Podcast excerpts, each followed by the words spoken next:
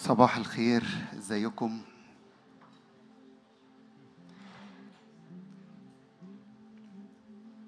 كم واحد متشجع؟ أنا متشجع جدا وكلنا متشجعين جدا وعاوز أشجع كل واحد فينا في اليومين اللي إحنا موجودين فيهم مع بعض في هذا المؤتمر لأن متهيألي مش صدفة إن يبقى المؤتمر في بداية شهر تسعة لأنه الرب بينقل شعبه لأرض جديدة. معرفش كم واحد فينا عزل من الأرض اللي هو كان فيها ولو لسه ليك كراتين فيها كتب فيها لبس فيها ودائع إلهية. خدها معاك و... وعدي لأن العبور مش يوم ولا عدى شهر تسعة وما عبرتش. شعب الرب عمال يعدي. البوابة بتتسع وعمالين بنعدي وعمالين ندخل إلى أراضي جديدة. ولو أنت ما دخلتش أوعى تزق اللي قدامك. إحنا كلنا عابرين وكلنا هنعبر وكلنا هندخل على حساب النعمة وعلى حساب عمل يسوع المسيح. فعاوز أشجع كل واحد فينا موجود أو هيبقى موجود أو موجود معانا على الشاشات لأني أؤمن إنه بنعبر وهندخل. ده زمن دخول. زمن العبور كان سبعة وثمانية. إحنا في زمن دخول. الأراضي اللي الرب بيعدها لينا. أراضي واسعة أراضي مليانة شبع وارتواء أراضي مليانة فرح أراضي مليانة قوة أراضي مليانة استخدام. وهنشوف بعد لحظات.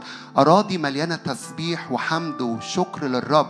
أراضي الرب فيها مستعلم بكل مجد وكل قوة. فعزل الجملة اللي ربنا بقاله كذا يوم بيقولها لي خلونا نعزل من الحتة اللي إحنا فيها. لو انت لسه ساكن في العنوان القديم عزل وغير بطاقتك عشان كل حاجة جاية من السماء تيجي على العنوان الجديد. تيجي ليك في الأرض الجديدة. لا خروج من الأرض الجديدة لا خروج من المكان اللي الرب يدخلنا فيه. أمين؟ أمين؟ أمين؟ ولو لسه ليك ناس في عيلتك وفي قرايبك اعلن إيمانك إن هما كمان يعزلوا باسم الرب يسوع. اعلن إيمانك إن هم كمان يجوا معاك في الأرض الجديدة. اعلن إيمانك. كل شعب الرب يعبر. أنا وأنتم. كل شعب الرب من كل بلد ومن كل منطقة ومن كل قارة. نعبر نعبر باسم الرب يسوع. ندخل للأرض الجديدة. تعالوا نفتح مع بعض أخبار الأيام الثانية أصحاح 31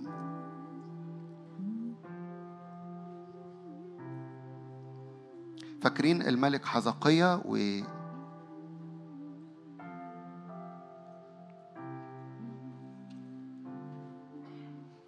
وملك أشور سنحريب أصحاح 31 وهنخش على 32 هقرأ بعض الآيات لأنه في حاجة محتاجين نقف فيها مع بعض النهاردة هنعملها. مؤتمر اسمه إيه؟ أبواب مدينة الله. ولما كلم هذا خرج كل إسرائيل الحاضرين إلى مدن يهوذا من عدد واحد وكسروا الأنصاب وقطعوا السواري وهدموا المرتفعات والمذابح من كل يهوذا وبنيامين. ومن إفرايم ومن منسى حتى أفنوها ثم رجع كل إسرائيل كل واحد إلى ملكه إلى مدنهم. وأقام حزقية فرق الكهنة واللاويين حسب أقسامهم. كل واحد حسب خدمته الكهنة واللاويين للمحرقات. وذبائح السلامة للخدمة والحمد والتسبيح في أبواب محلات الله. وفي ترجمات تانية أبواب مدينة الله. كانوا بيعملوا إيه؟ بيقدموا محرقات وذبائح سلامة للخدمة الحمد والتسبيح في هذه الأبواب. أؤمن إنها الأرض الجديدة أرض مليانة تسبيح أرض مليانة حمد أرض بنقدم فيها عبادتنا وقلوبنا وحياتنا. كل حاجة بتتقدم بنقدمها للرب. يسوع الخروف المذبوح اتذبح. عبادتنا عبادة قلبية. تسبيحنا هو ثمر شفاء معترف بألسنتنا عدد خمسة.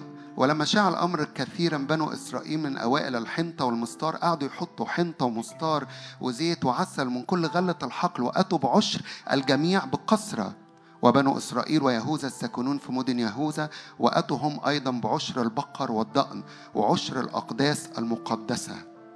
عدد 21 وكل عمل ابتدأ حسقية في خدمة بيت الله وفي الشريعة وفي الوصية ليطلب الله إنما عملوا بإيه؟ بكل قلب. وعاوزين نبقى بكل القلب. بكل قلب بنعبد الرب بكل قلب ماشيين ورا الرب بكل قلب مليانين إيمان زي ما حسقية عمل. الأبواب الجديدة ومدينة الله مليانة حمد ومليانة تسبيح. انقل معايا لأن في إعلان. أخبار أيام الأصحاح اللي بعده 32 أخبار أيام التانية.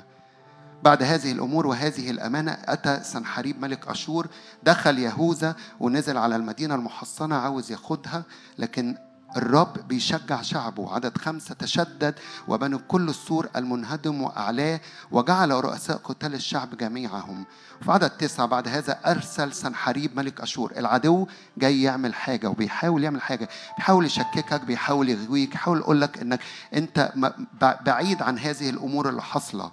أتى ملك أشور عبيده إلى أورشليم هو وعلى لحيش وكل سلطته معه إلى حزقية ملك يهوذا وإلى كل يهوذا الذين في أورشليم يقولون هكذا يقول سنحريب ملك أشور على ماذا تتكلون وتقيمون في الحصار في أورشليم؟ أليس حزقية يغويكم ليدفعكم للموت؟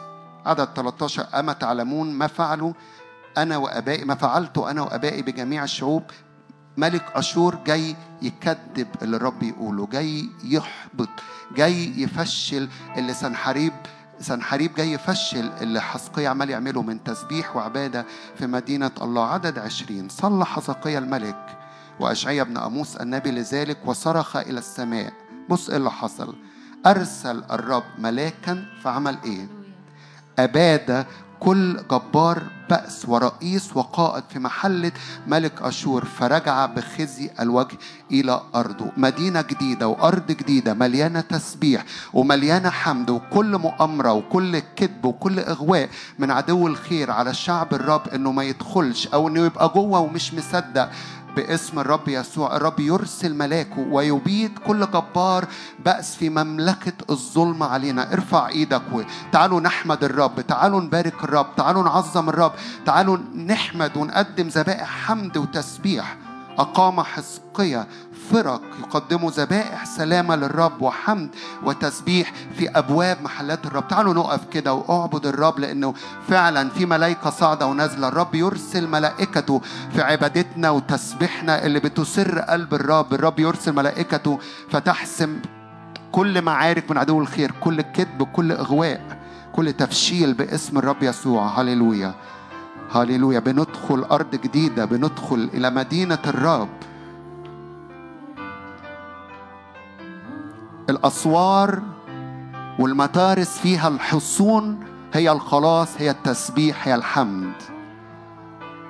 أجعل أسوارك خلاص وأبوابك تسبيحا. عظم الرب عظم الرب وعظم الرب وبارك الرب. هللويا.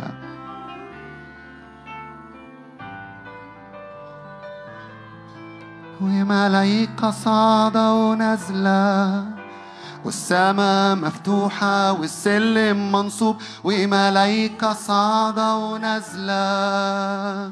والسماء مفتوحة والسلم منصوب وملايكة صاعدة ونازلة.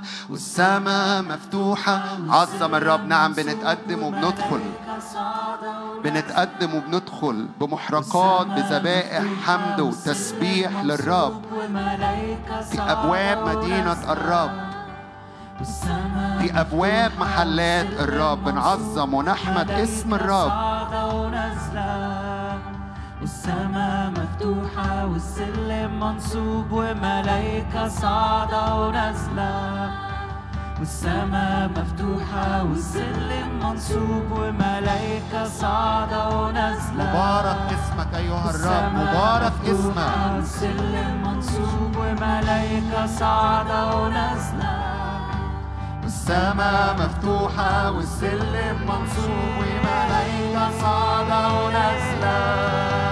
السماء مفتوحة والسلم منصوب وملايكة صاعدة ونازلة. والسماء مفتوحة والسلم منصوب وملايكة صاعدة ونازلة. والسماء مفتوحة والسلم منصوب السماء مفتوحة. بندخل على حساب عمل يسوع المسيح.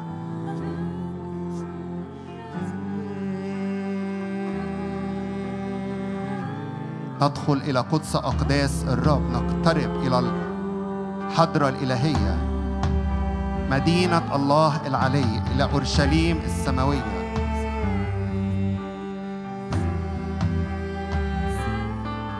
وملايكة صاعدة ونازلة والسماء مفتوحة والسلم منصوب وملايكة صاعدة ونازلة نعم بندخل ونتقابل نقدم بالإيمان على حساب عمل يسوع المسيح.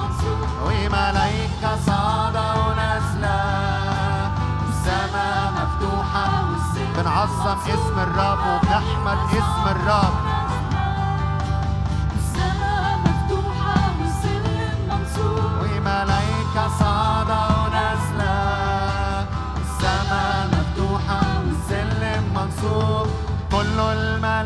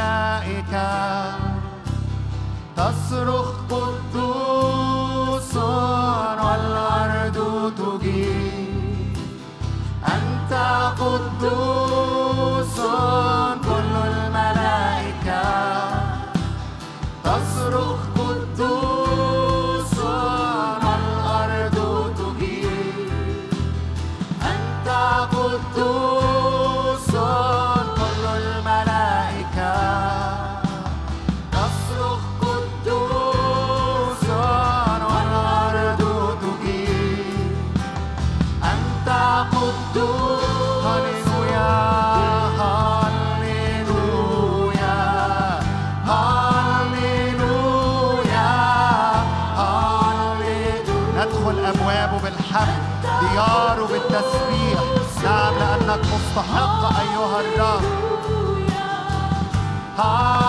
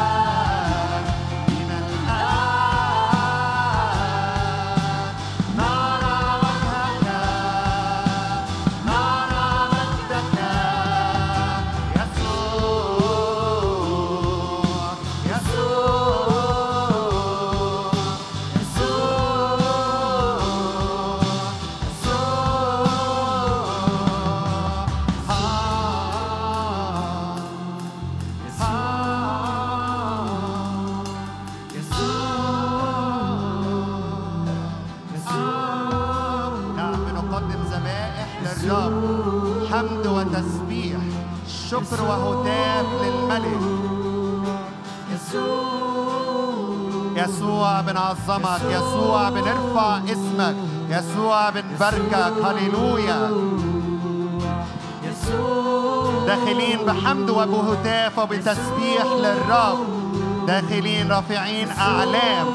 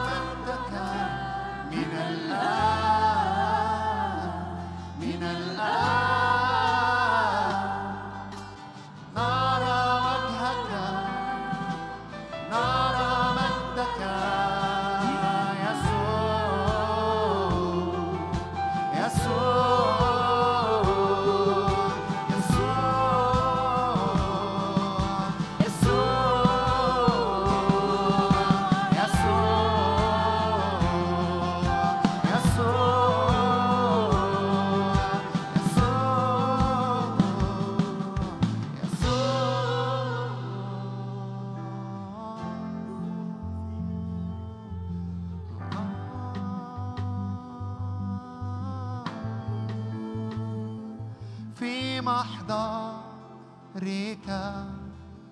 يهرب الخوف في محضرك سلام.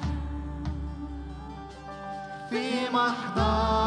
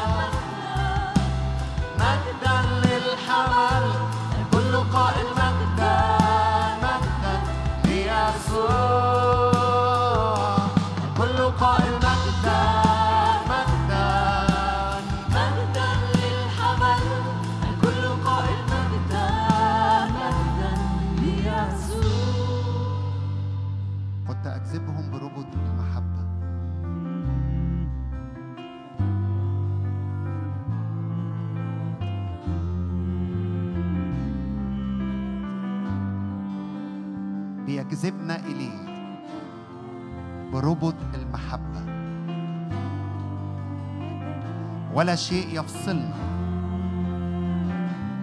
عن محبة المسيح اللي تنسكب في قلوبنا.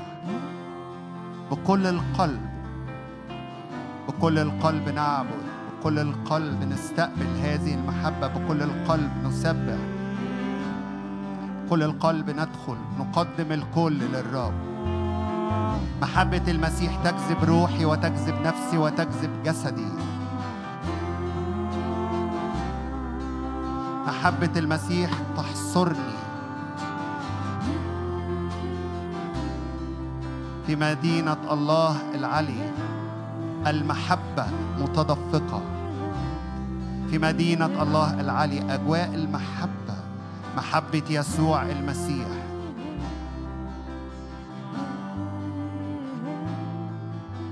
متاحة ليا وليك.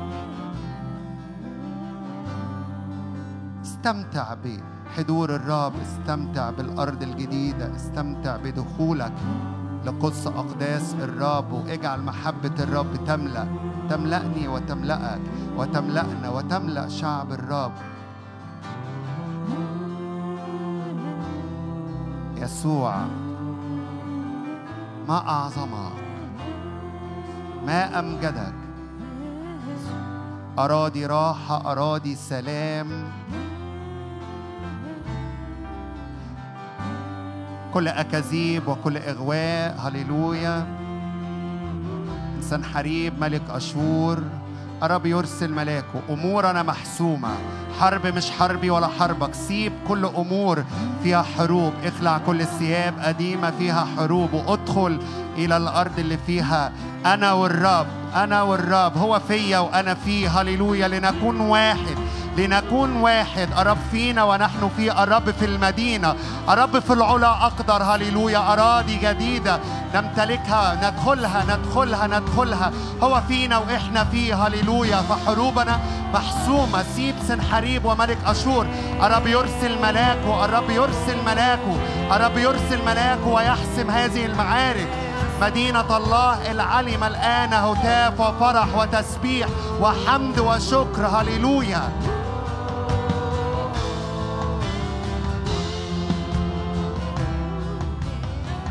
قبل ما نكمل تسبيح ارفع إيدك على كل حروب ايا كانت في الجسد في الشغل في البيت في النفس. اعلن كده الرب يرسل ملاكه لي. أرسل الرب ملاكه. هللويا هللويا. فأباد أباد كل جبابرة بأس. في جيوش أشور في جيوش سنحريب اعلن كده إبادة إبادة إبادة باسم الرب يسوع. اوعى طول التسبيح تبقى بتحاول كأنك بتحارب. إحنا حتى لو لو بنعلن بنعلن انتصار يسوع المسيح في وسطنا. الله. الرب يرسل ملاكه. الحرب مش حربي ولا حربك. الحرب مش حربي ولا حربك.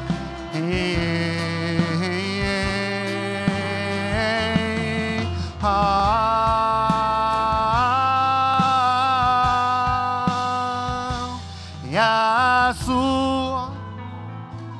me.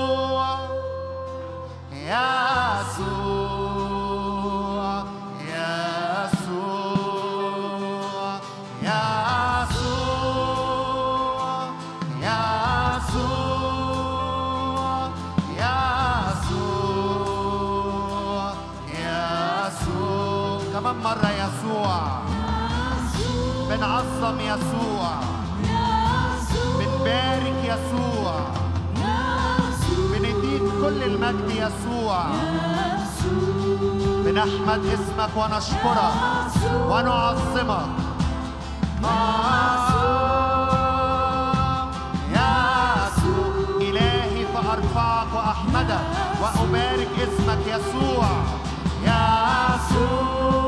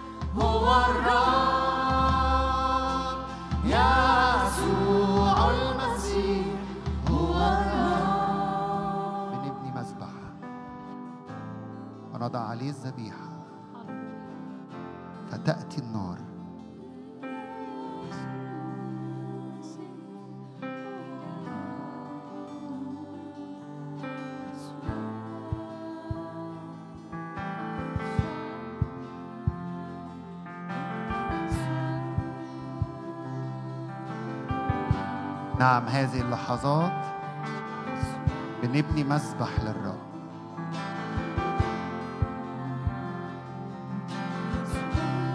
نقدم عليه ذبيحتي. المسبح بتاعك المسبح بتاعك في هذه الأرض. أرضك الجديدة أرض السلام أرض القوة. أرض الراحة.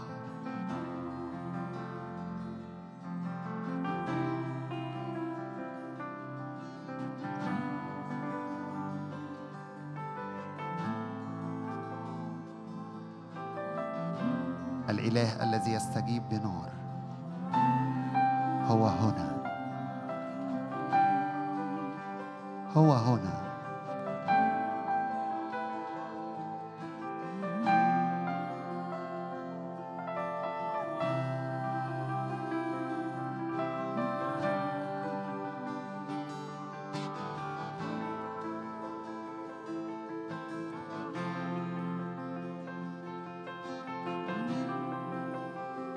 هناخد لحظات بنعبد الرب بنقدم ذبائح حمد شكر تعظيم تمجيد.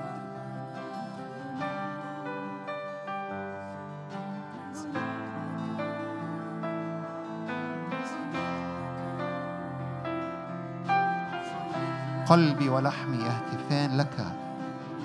أنت الإله الحي متى أجي وأتراءى قدامك؟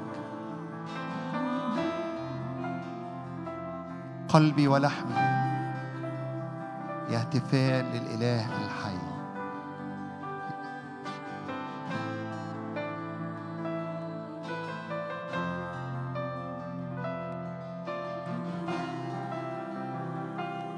أجيء وأتراءى قدام الرب وجها لوجه.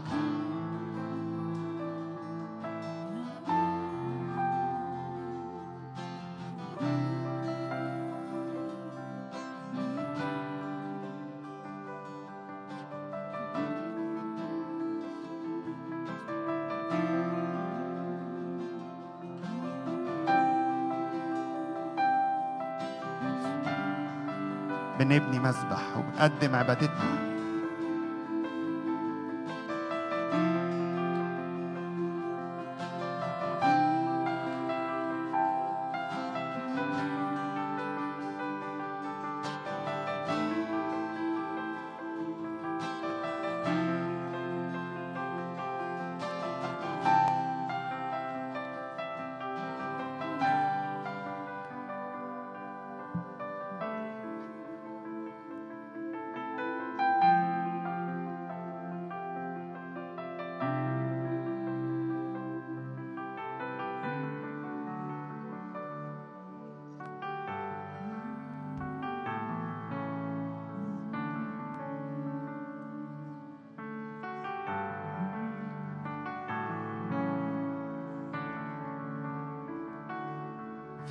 اليوم يغنى بهذه الأغنية في أرض يهوذا. لنا مدينة قوية يجعل الخلاص أسوارا ومترسة افتحوا الأبواب لتدخل الأمة البارة حافظة الأمانة. ذو الرأي الممكن تحفظه سالما سالما لأنه عليك متوكل. توكل على الرب إلى الأبد لأن في يهوى صخر الدهور.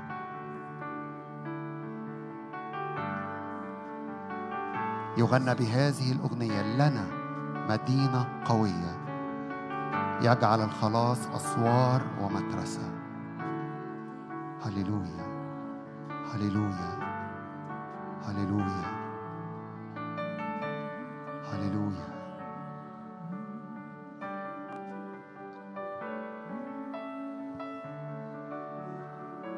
هللويا.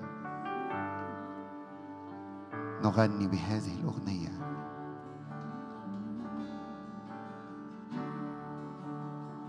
لنا مدينة حصينة. لنا مدينة قوية. سوار خلاص. أبواب تسبيح. مدينة صانعها وبرئها هو الرب.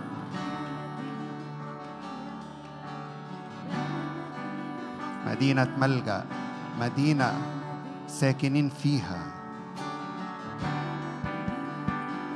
مدينة عايشين فيها. هو ملكها هو صانعها هو بارئها.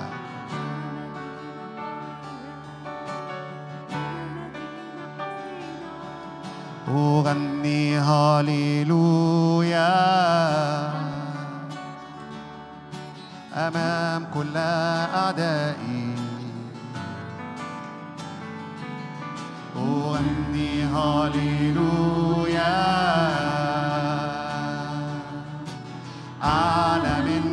مخاوفي أغني هاليلويا هدافي هو قوتي أغني هاليلويا السماء تحارب عني. نغني بهذه الأغنية.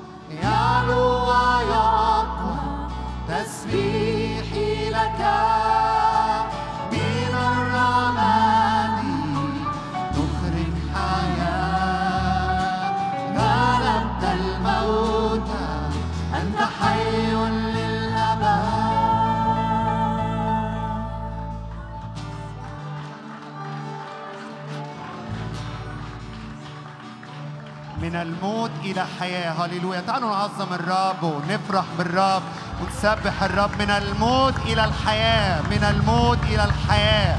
من الموت إلى الحياة باسم الرب يسوع. هو قام هو حي في وسطنا. هللويا.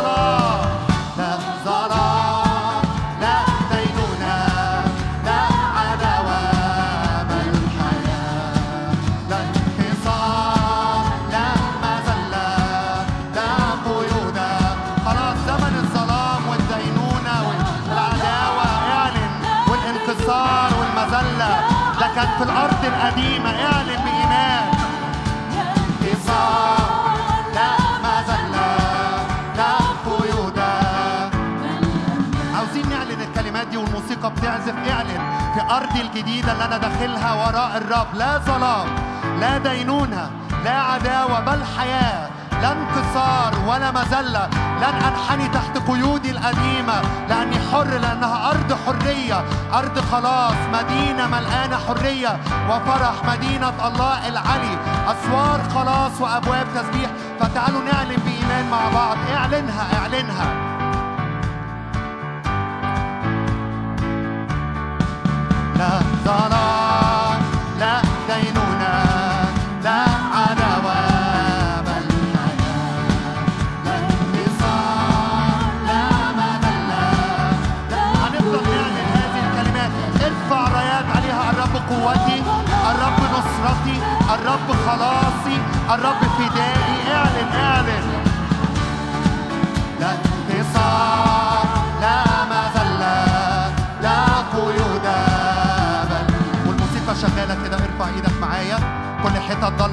لا ظلام فيما بعد باسم الرب يسوع. كل حتة العدو بيشتكي فيها عليا أو عليك اعلن لا شكاية لا دينونة فيما بعد لأنها قد طرح المشتكي. اعلن وموسيقى بتعزف اعلن على أرضك. كل حتة فيها موت اعلن حياة باسم الرب يسوع. كل حتة إبليس حاطط إيده فيها في الأرض الجديدة إبليس ما يعرفش يدخل داخل هذه الأسوار. طول ما أنا وأنت جوه في داخل هذه المدينة أسوار ومترسة خلاص الرب يستعلن. لا انكسار لا مذلة. انتصارات انتصارات وراء الرب. الرب مرئي فيها الرب معلن. وجها لوجه مع الرب. انتمسي وعلاقة ومحبة. أنا مع الرب والرب معي كما في جنة عدن. مدينة الله العلي هللويا هللويا هللويا.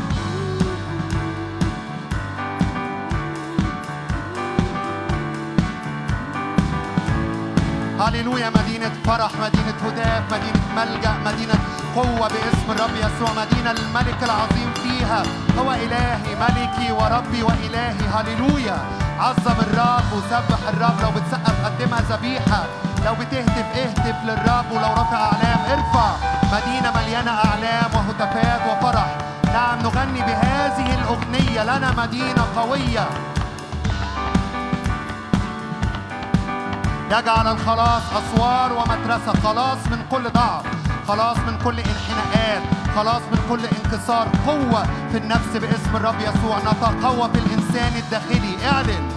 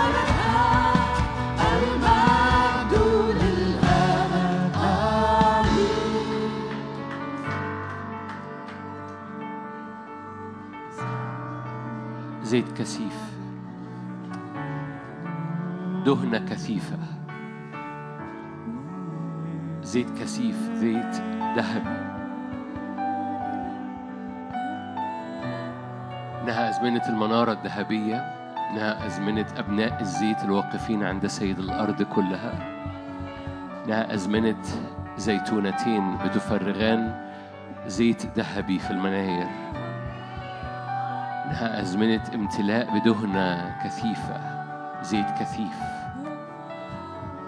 إنها أزمنة غلبة المناير غلبة المناير. مناير غلبة مناير ذهب صافي.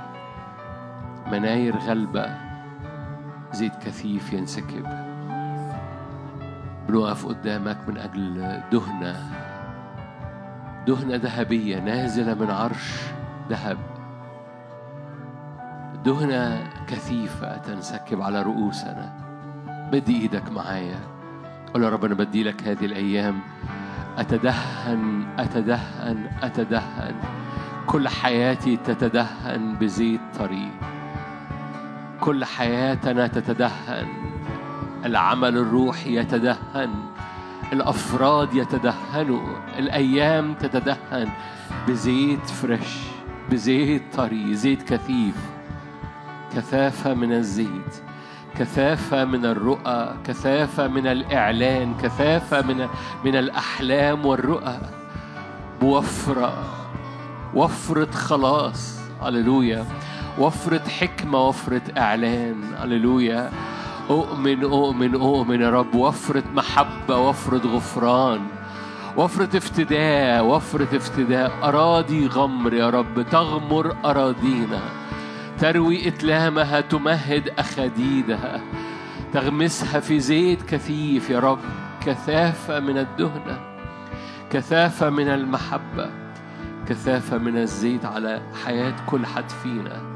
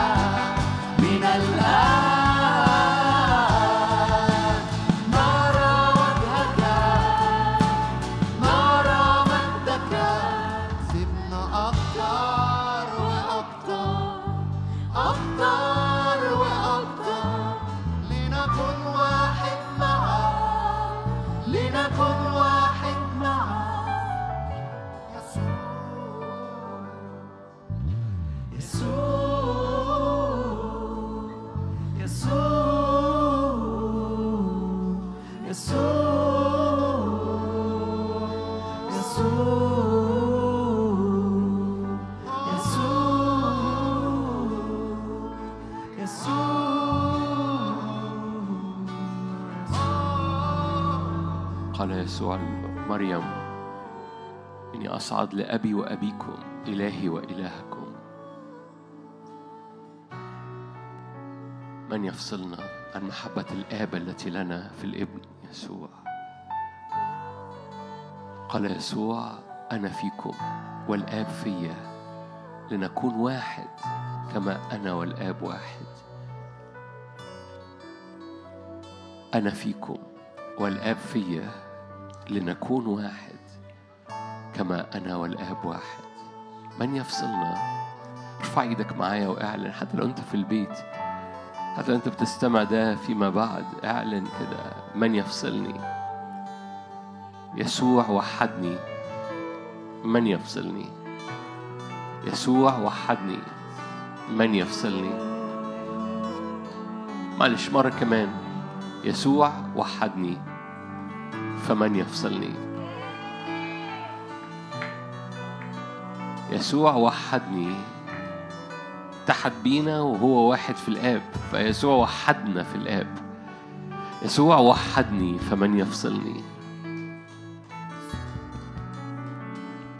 خلي خلي خلي إيمانك يطلق قنوات من القوة في هذا هذا الإعلان البسيط.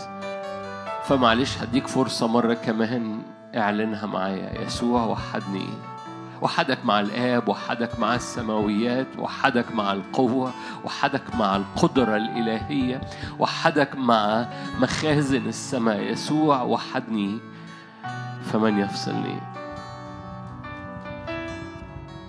لا شدة لا ضيق لا خطر لا سيف لا خليقة أخرى لا شكاية لا دينونة تستطيع أن تفصلنا عن محبة الله التي لنا في المسيح يسوع. خدنا أعلى خدنا لحضن الآب.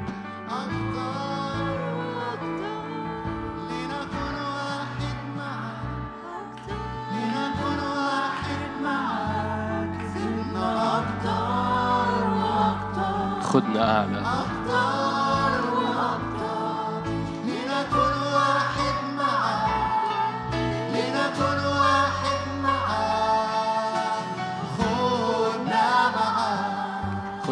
أعلى خدنا أعلى.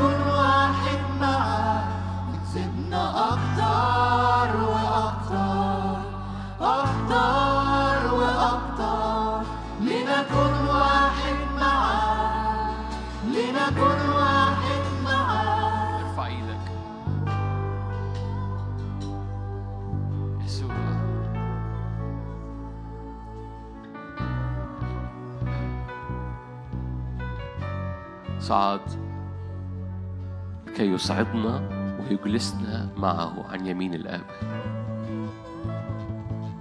قال كده وأنا إن ارتفعت أكذب إلي. كلكم عارفين هذا التعبير. صعد على الصليب لكي نكون معه على الصليب. ارتفع على الصليب لكي يرفع عنا كل لعنة. فنرتفع من تحت غطاء اللعنة. فوانت رافع إيدك اعلن لا لعنة.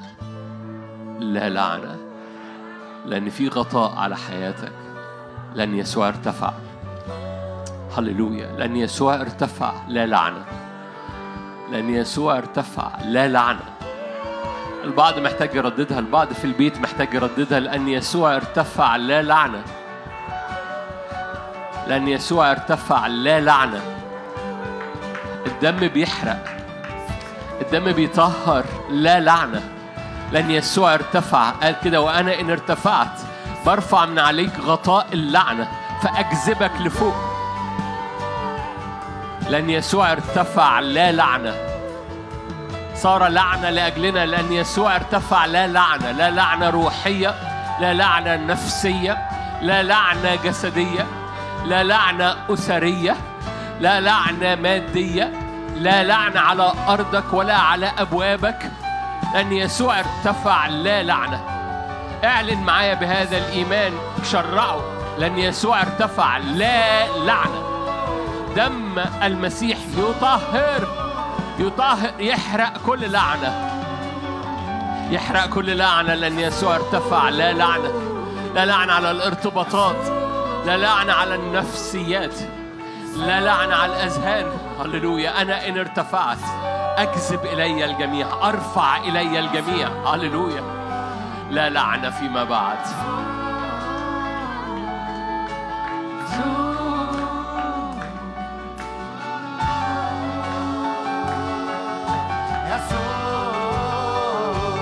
هللويا. يسوع ارتفع لا لعنة لا لعنة لأرضك لا لعنة على قلبك. لا لعنة على النفسيات. لا لعنة على الأبواب. هللويا. الدم بيطهر. يطهر أبوابك. يسوع. ردد هذا الاسم. لا لعنة.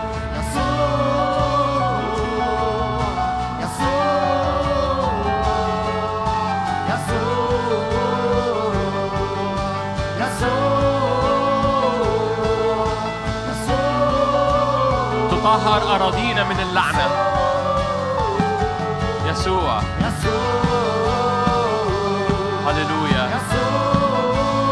قال كده أجذب إلي الجميع.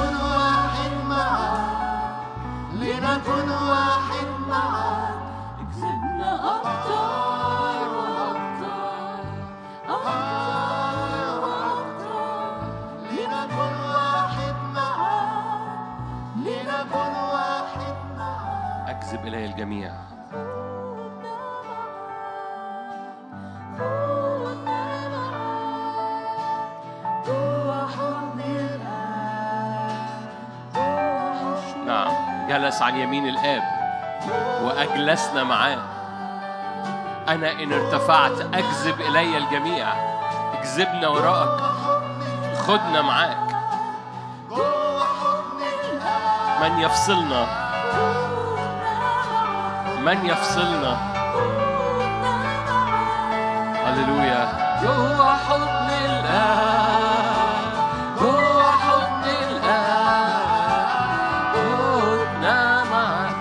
المعجزة خدنا معاك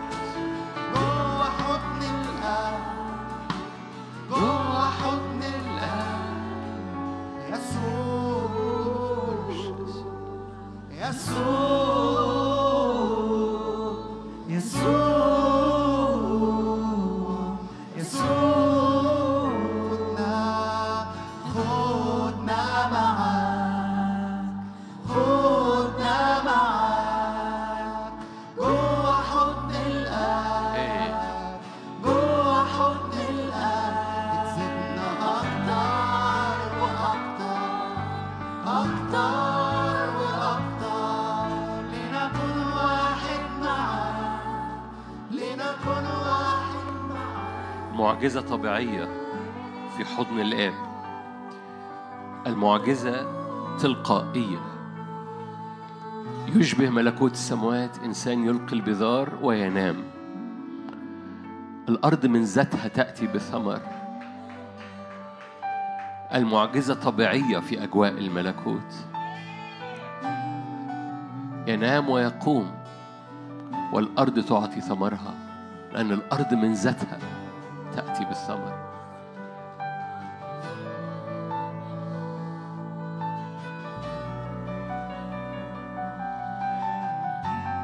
ثمر الأرض الثمين حصاد.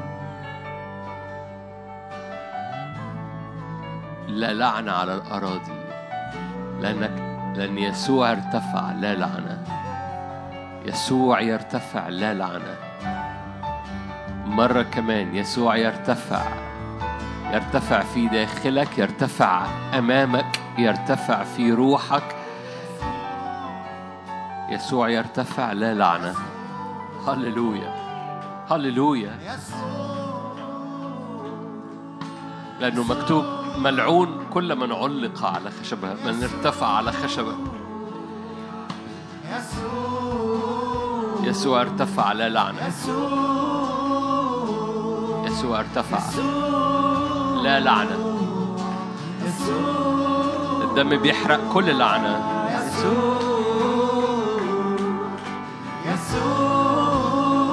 محصك نزع الأقضية.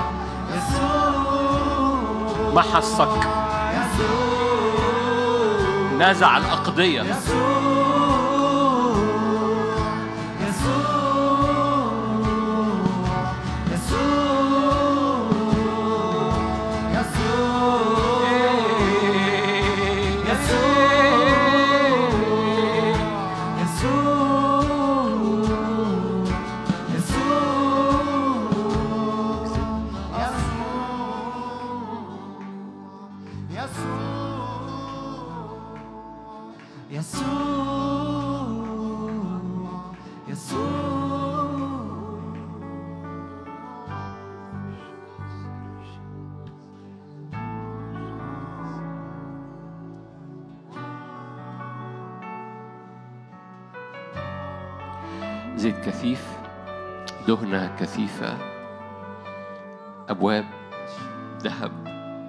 ذهب.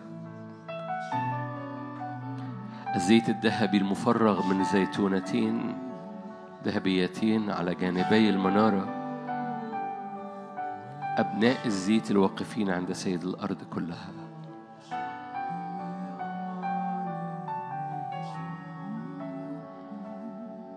مجدك يملأ.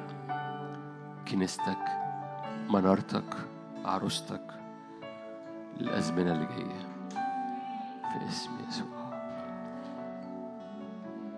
وعد الرب لك أنك لن تعبر بقدرتك ولا بقوتك. وعد الرب لك أنك لن تغلب بقدرتك ولا بقوتك.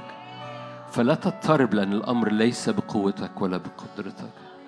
لا تخاف لأن الأمر ليس بقدرتك ولا بقوتك. لا تهتم لأنه عبورك ليس بقدرتك ولا بقوتك. بل بروحي. قال رب الجنود بالمسحة بالدهنة بالزيت بالذهب النازل من فوق. ليس بالقدرة ولا بالقوة بل بروحي. فلا تهتموا بشيء بل في كل شيء باستقبال الدهنة بل في كل شيء باستقبال النعمة. لأنه إن كان ليس بقدرتك ولا بقوتك فلماذا تهتم ولماذا تضطرب ولماذا تحاول؟ اعطش. في كل شيء بالصلاة والدعاء مع استقبال هذه النعمة للعبور الغلبة باسم الرب يسوع.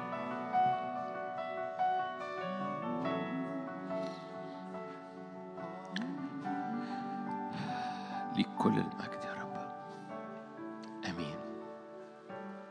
تفضلوا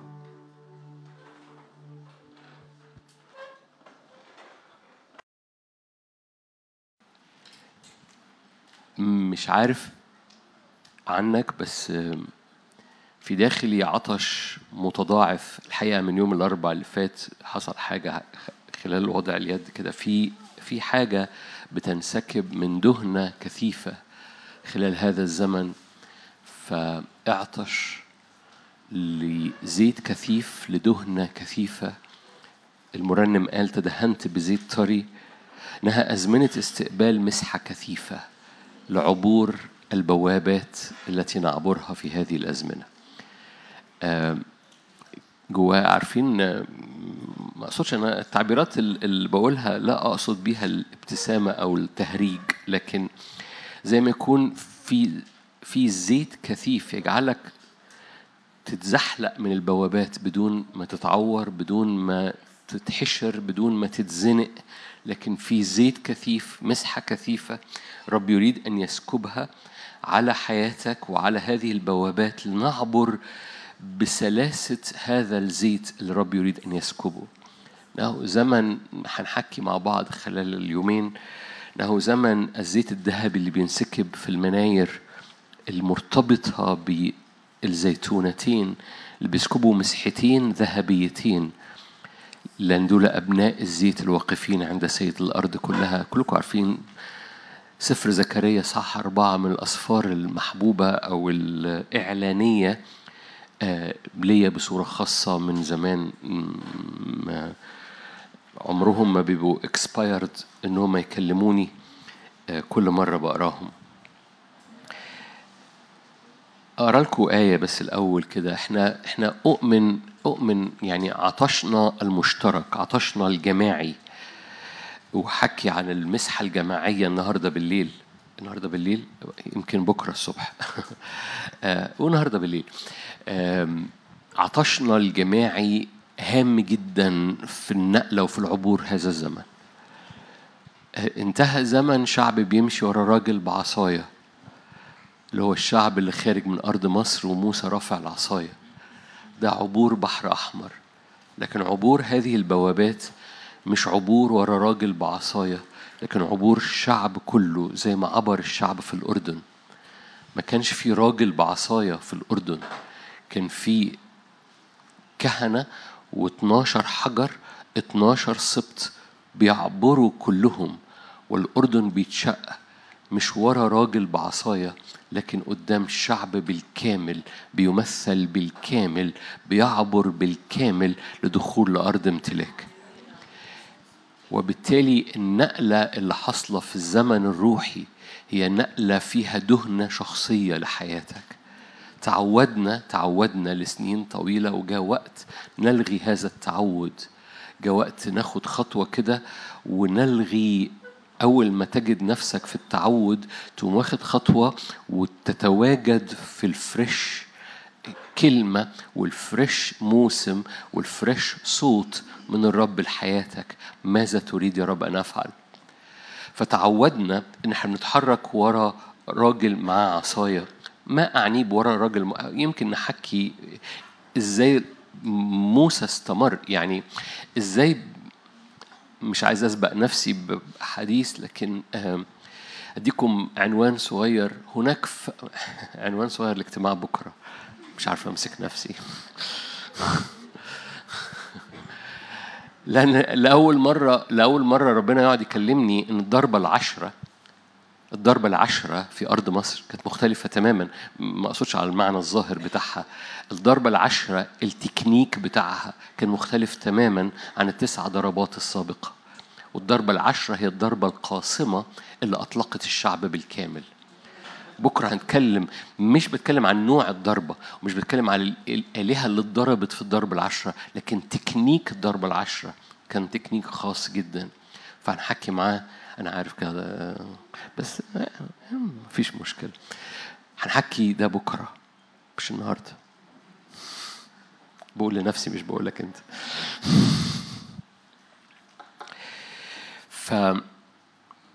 ف إدراكي لنقلة أنا إيه اللي دخلني في كده؟ إنه إنه موسى موسى موجود في الشعب لكن الشعب بطل يستمر ماشي بهذا الاعتمادية على راجل ماشي بعصاية قدامهم لكن الشعب بقى بيتحرك بمسؤولية تك بمسؤولية ناضجة كملوك وكهنة. ده العبور بتاع الأردن. وإدراكي وإيماني عطشك وعطشك وعطشنا معا في هذه الأيام في هذا المؤتمر بيعمل هذا العبور الجماعي للموسم اللي جاي. ف- فأنا أنا ب- بقول لي هذه المقدمة عشان أحفزك عشان أجي في ظهر حضرتك وأزقك لقدام أقول لك ليس بالقدرة ولا بالقوة. آه، معية ناس كتيرة معية أنهكت ناس كتيرة منهكة. استنزفت ومضطرب وفي أفكار كتيرة وصراعات كتيرة. أهلا وسهلا. ماشي؟ القصة لا بالقدرة ولا بالقوة ولا بالمجهود ولا بال ولا باللي كان بيحصل خلال الموسم اللي فات لكن أعطش معانا لزيت كثيف. عشان كده كنت عمال بكرر في هذه الترنيمة اجذبنا اجذبنا اجذبنا زود علينا خدنا معاك ليه عطشانين؟ ليه؟ لأن في حاجة إحنا بنزق مع بعض بعطش جماعي لحتة لمكانة روحية. رب ياخد شعبه ده اللي أنا أنا كده دخلت على اجتماع النهاردة نشكر ربنا. رب ياخد شعبه لحتة مختلفة مش عايز مش عايز أقول حبة كلمات تقع فلات دلوقتي قبل ما أشرح لك الإعلان اللي جوايا أو الروح اللي جوايا لكن رب ياخد شعبه لحتة وهو عمال بيجذبنا. هي مربوطة باللي إحنا كنا بنقوله بس بالآية اللي كنا بنقولها. أنا إن ارتفعت أجذب إلي. يسوع بياخد شعبه لحتة أعلى. جملة عادية بس هوريك معناها أكتر. خليني أقرأ لك آية الأول في ميخ- ميخا. آية قلناها في في نص شهر ستة.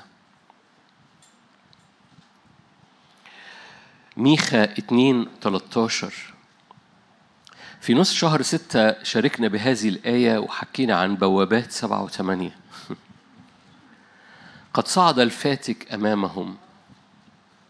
ميخا 2 13 قد صعد الفاتك أمامهم. يقتحمون. وقلنا إن في هذا الزمن مثل أزمنة عبور الأردن. عبور الأردن عبر وما كانش فيه مطارد. ده كان هم اللي initiated هم اللي بدروا بالعبور. هناك فرق ما بين عبور البحر الأحمر اللي فيه فرعون بيطارد هربنا من الخطية هربنا من الموت وسلمنا حياتنا للرب. ده الولادة الجديدة ده الخروج من أرض إبليس والدخول إلى ملكوت ابن محبته. لكن الخروج من أرض ال ال ال التبعية بس في البرية إلى خروج أرض سكنة وامتلاك. ده مش جاي بسبب مطارد ده جاي بسبب عطش لهذه الحالة من السكنة والامتلاك وزهق من حياة التبعية ودي كلمة حلوة التبعية في البرية. ناس كتيرة بتقول أنا كويس أوي عليا التبعية في البرية بس الرب لم يدعونا لأن دائما الخروج من يؤدي إلى الدخول إلى لو الرب خرجك من عشان تفضل بتلف في البرية في حاجة ناقصة في الفدا يسوع دفع ثمن كامل على الصليب. يسوع على الصليب قال it is finished. قد أكمل.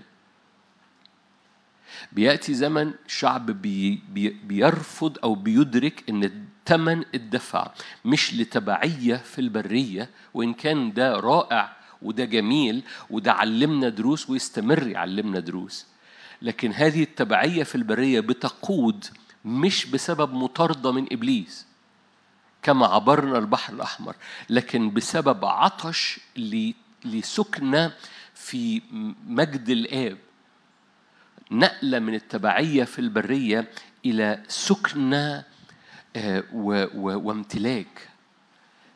ده اللي حصل في أرض كنعان هي سكنة وامتلاك. في هذه الآية يقتحمون ده هم اللي بيقتحموا ده هم اللي بي initiate هم اللي بيبتدوا. وزي ما شاركنا مع بعض إن إحنا قررنا نعبر أبواب بس دي أبواب خاصة. دي مش إبليس بيهاجم ده داوود بيجري لجولياط. لا لفترات طويلة أنا بعمل re- recap كده ملخص للحالة الروحية بتاعت من ستة لغاية دلوقتي عشان نحكي من دلوقتي فيما طالع. ف ف فيما سبق كان اللي بيحصل إنه إنه إنه جولياط يطلع والشعب يهرب. لكن حالة داوود هو داوود الذي يجري إلى جولياط. دول يقتحمون ده هم اللي بي بي بينكشوا. هم اللي بي هم اللي بيبادروا. فاكرين لما أخاب الملك كان في حالة روحية حلوة فسأل النبي من يبدأ الحرب؟ قال له أنت تبتدي الحرب. قال له بمن أبدأ الحرب؟ قال له بغلمان رؤساء المقاطعات. يعني مش بال مش بالرؤساء مش بالأقوياء لا بالغلمان بتوع رؤساء المقاطعات. بيأتي زمن ناضج في الحياة الروحية والرب يقول لك أنت اللي تنكش. ما تعودناش على كده. تعودنا إن إيه أمشي جنب الحيطة و... هذا هو العبور عبور الأردن. ده العبور اللي هو مفيش مطارد بس أنا بأرفض الدوران مرة تاني بأرفض حالة حلوة اسمها التبعية في البرية لكي أدخل إلى أرض امتلاك وسكنة مليانة مجد. فهم يقتحمون. ده أول فعل. تاني فعل يعبرون من الباب. ودي الحالة اللي هو بوابة وأنت بتعبر منها. ودي بي- بي- موسم موسم عبور. بس إيماني إيماني إيماني إن إحنا في الكلمة الثالثة. ويخرجون. إيماني إن إحنا بنخش على موسم يخرجون. يعني لو أول فعل يقتحمون تاني فعل يعبرون في فعل ثالث أنتوا هنا؟ لأنه مش مقاصد الرب إنك تفضل واقف في الباب. حتى أخي خش مش كده لما يجيلكوا ضيف بتقول له كده ما تقفش على الباب. ايماني إن إحنا بندخل على موسم يخرجون. وهي دي الأزمنة اللي هتحرك فيها روحيا النهاردة معانا الصبحية. أزمنة الخروج وماذا يعني الخروج بالنسبة لنا؟ فيقتحمون ده أول فعل ده انيشيشن ده مبادرة لعبور بوابات خاصة مش العبور البوابات الطبيعية مش عبور لحروب طبيعية. إبليس بيهاجمنا وإحنا بنصمد. no no no no اللي حصل خلال سبعة وثمانية إحنا عملنا حركة في الأجواء وده اللي خلى إبليس منزعج. فلو أنت مدرك إن إبليس منزعج ما, ما أنت ما تنزعجش. خليه هو ينزعج أنت ما تنزعجش. هو منزعج. عارفين آية في سفر يقول لك غاضب لأنه عالم أن له زمانا يثيرا؟ ف... يقتحمون ده أول فعل تاني فعل يعبرون من الباب ودي مرحلة لأن البوابات دي مش بوابة يعني مش يوم مش بواب مش باب رفيع زي البوابات الأرضية لكن بوابة. لكن يخرجون منه يخرجون منه يعني بيدخلوا من من بره إلى جوه بيدخلوا إلى سكنة إلى بيت إلى امتلاك إلى إلى مش واقفين بس على الباب لا بيدخلوا ويقعدوا يسكنوا. هناك سكنة. هناك سكنة في مواريث في الزمن اللي جاي. علشان كده كنا بنصلي في بداية هذا الاجتماع إنه الذي ارتفع لا لعنة يسوع ارتفع فلا لعنة على أرضك. مهم جدا إنك تدرك إنه لا لعنة يعني لا لا إعاقة وإبليس ما يطلش أرضك بحق قديم لأن الرب نزع الأقضية بالدم لأن الدم بيطهر.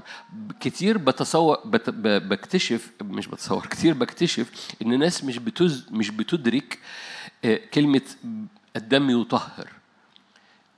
بالنسبة لي وبالنسبة لأي دكتور هنا يطهر دي يعني حاجة بتحرق الميكروب. يطهر دي يعني حاجة بتلسع. الدم لما بيطهر هو بيحرق الميكروب. ده لما بيطهر وبيحرق كل ميكروب لعدو الخير قال أنا ليا حق في أيامك في أرضك في ذهنك في نفسيتك في جسدك في ميراثك في أبوابك. الدم المرشوش بيطهر بيطهر يعني بيلسع صوابع إبليس. لما صوابع إبليس تكون موجودة أو بتتمد على أرضك الدم بيلسع إدراكك لقوة دم الحمل. لأنه دم البار لأنه دم من هو بلا خطية لأنه دم مسفوك من أجلك.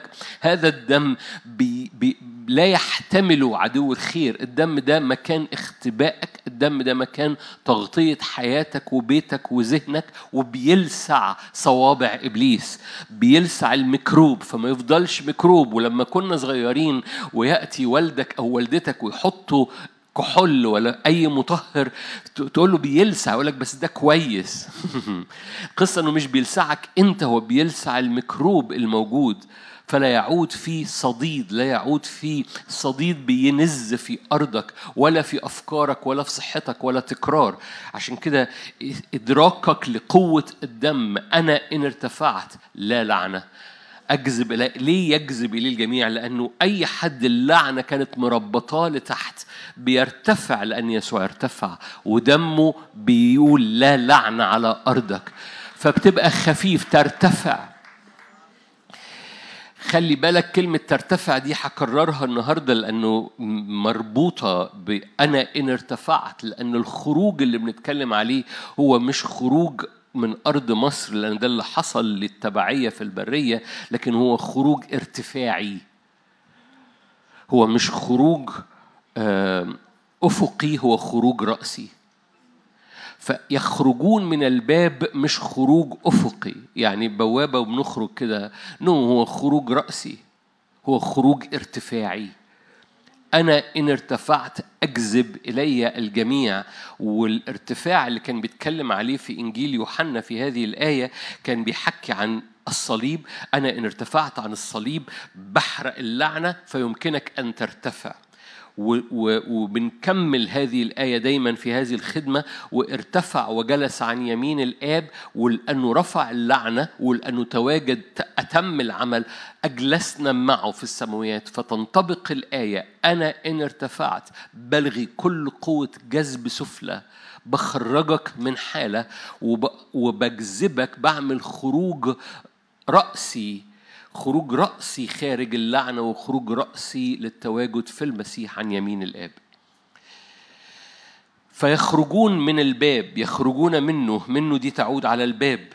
هذا الخروج هو إحنا نحن في أزمنة خروج وحكي معاك تفاصيل هذا الخروج في هذا الاجتماع الأولاني لأن دي أزمنة خروج. يخرجون من الباب بس هذا الخروج خروج مختلف. ليجتاز ملكهم أمامهم. المسحة الأساسية المسحة الرأسية تخرج أمامهم. والرب خلي بالك في ملك وفي رب. المسحة الأساسية تعبر أمامهم والرب في رأسهم. فأنا بس بقول هذه الآية وبحط هذه الآية عشان ألضم المرحلة اللي فاتت أو الثلاث شهور تقريبا أو شهرين ونص اللي فاتوا من نص ستة لما أعلنا هذه الآية لهذا الزمن أو لهذا التوقيت في الزمن في حياتنا لما بعد لاستمراريتنا في هذه السنة. لأنه اقتحام عبور ثم خروج. وأؤمن أن هذا الموسم في هذا الزمن في هذه الأشهر نحن في حالة من اللي إحنا هنحكي فيه هذا الاجتماع. سفر الخروج. عمال أقول أزمنة خروج يبقى نفتح سفر الخروج. خروج واحد. معظمكم برضو لو أنت بتتابع هذه الخدمة مدرك إن أنا برجع لخروج واحد كتير. هذه الأزمنة أو رجعت لو أذكرك في مشاركة آه، كثيرين علقوا معايا فيها مشاركة القابلتين. فاكرين؟ لأن العبرانيات قويات لسنا كالمصريات يلدنا. قبل مجيء القابلات. الداينامكس اللي بتحصل في ولاد الرب أسرع. بس مش ده اللي هنتكلم عليه النهارده. ده موجود في خروج واحد برضو ف هارا آيات من خروج واحد آية 8 قام ملك جديد على مصر لم يكن يعرف يوسف. فقال لشعبه وإذا بنو إسرائيل شعب أكثر وأعظم منا هلما نحتال لهم. لئلا ينمو. ركز معايا في التعبيرات اللي جاية. فيكون إذا حدثت حرب. يكون إذا حدثت حرب. أنهم ينضمون إلى أعدائنا ويحاربوننا ويصعدون من الأرض. فجعلوا عليهم رؤس رؤساء تسخير لكي يذلوهم بأثقالهم. فبنوا لفرعون مدينتي مخازن في ثوم ورعمسيس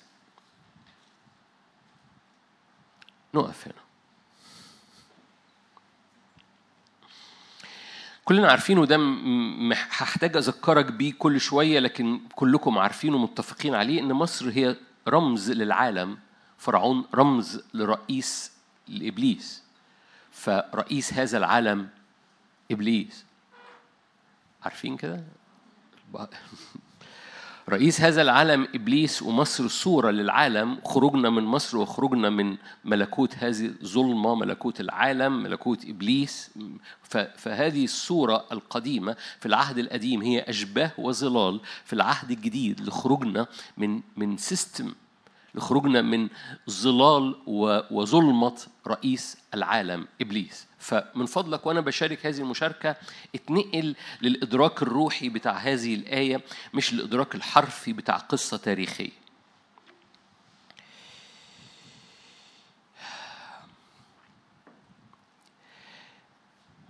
رئيس العالم بينزعج من من الكنيسة. ولأنه مدرك إن في حالة الحرب إذا حدثت حرب.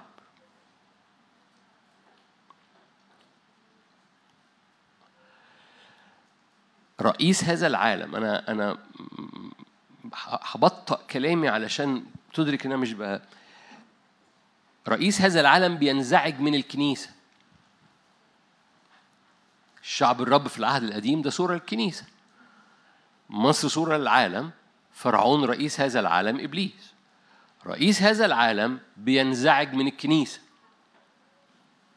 وبيبقى مدرك إذا حدثت حرب.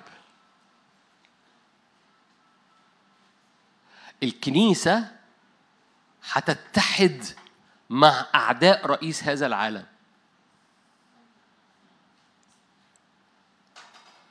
هرجع لهذه الجملة هسيبها عندك كده.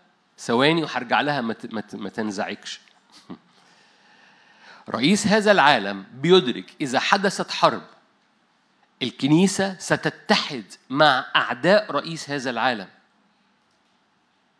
ف هلما نحتال. رئيس هذا العالم بيعمل مكايدة أو بيعمل خطة للكنيسة. اجعلوا عليهم رؤساء تسخير. يعني حركة من أجناد الشر الروحية ده رئيس هذا العالم ده الشيطان إبليس. فهيحرك أجناده رؤساء تسخير لكي يذلوهم بأثقال.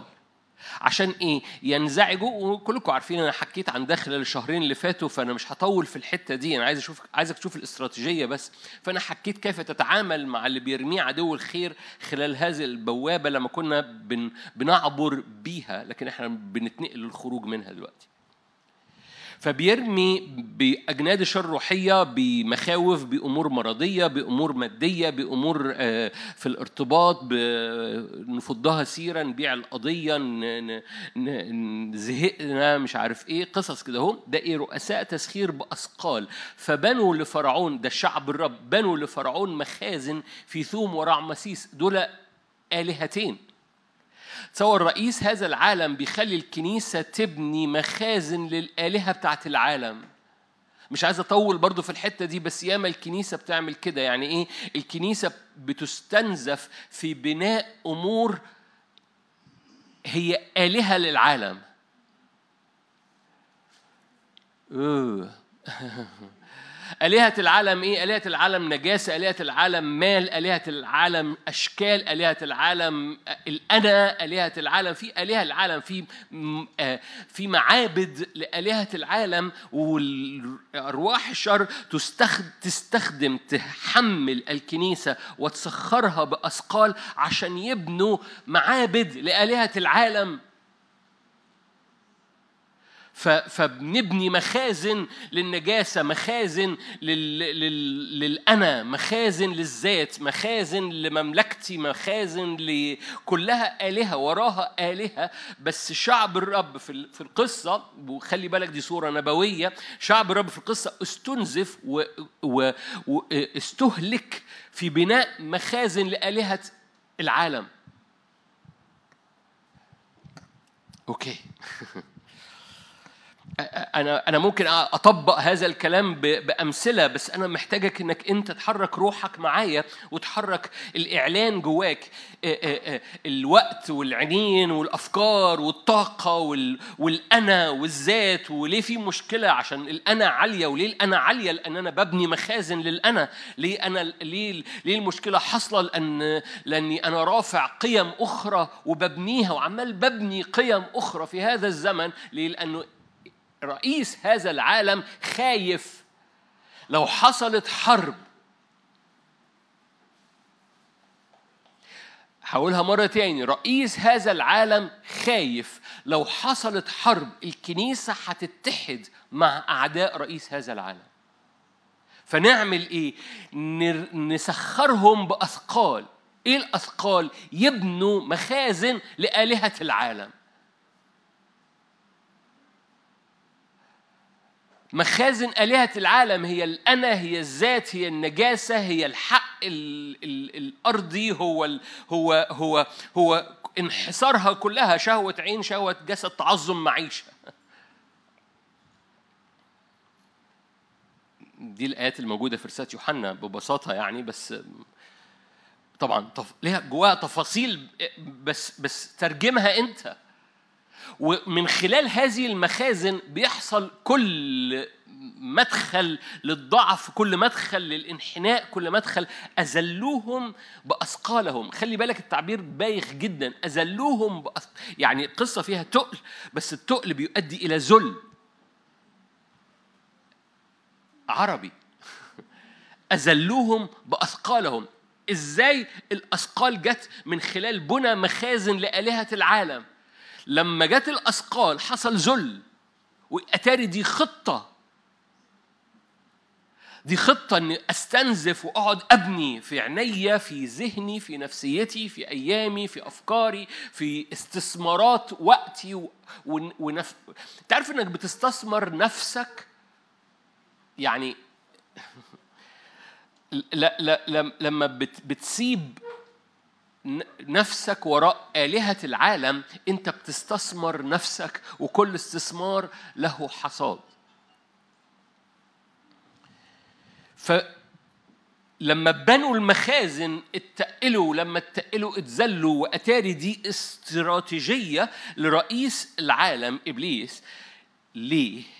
أنا هرجع مرة تاني إذا حدثت حرب أنهم ينضمون إلى أعدائنا.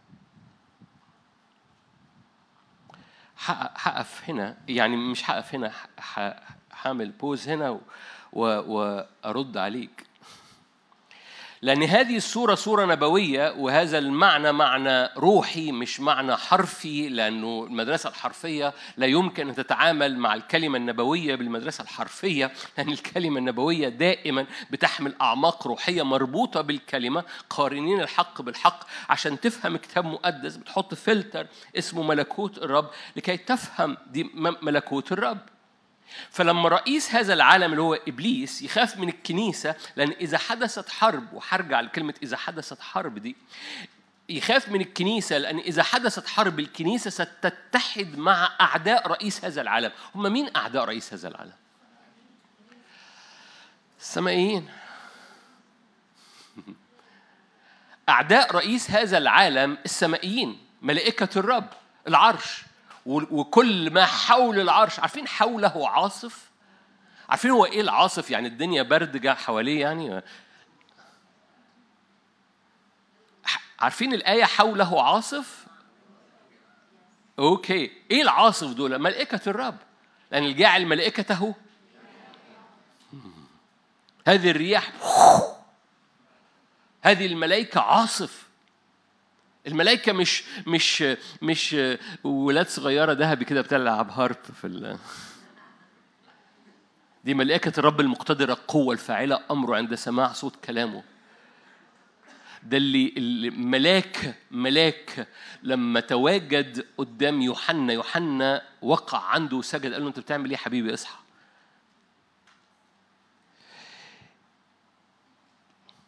رئيس هذا العالم بيقول إذا حدثت حرب ينضمون إلى أعدائنا. هللويا.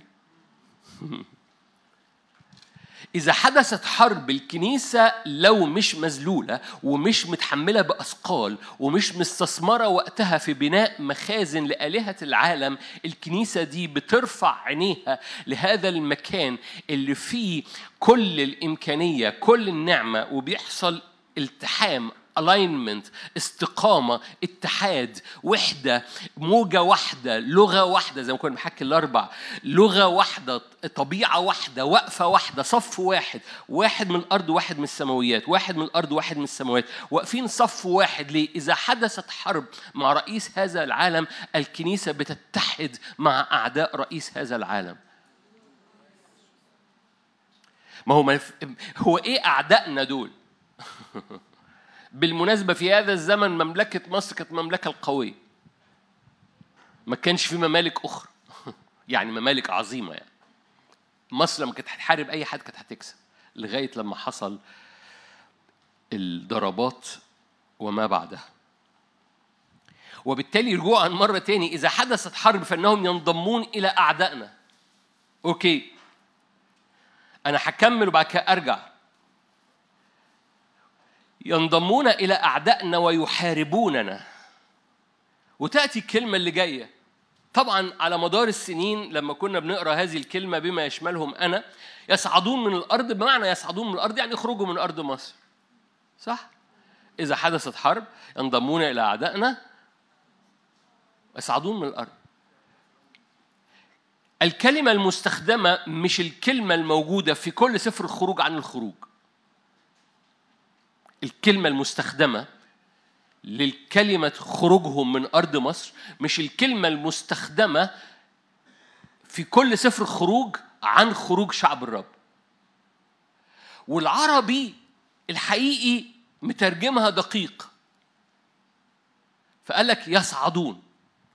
مش بالصدفة مش لغة عشان كده مش لغة يعني يصعدوا من الأرض يعني يخرجوا من الأرض. no no no الكلمة العبري صعود. وارجع ورايا.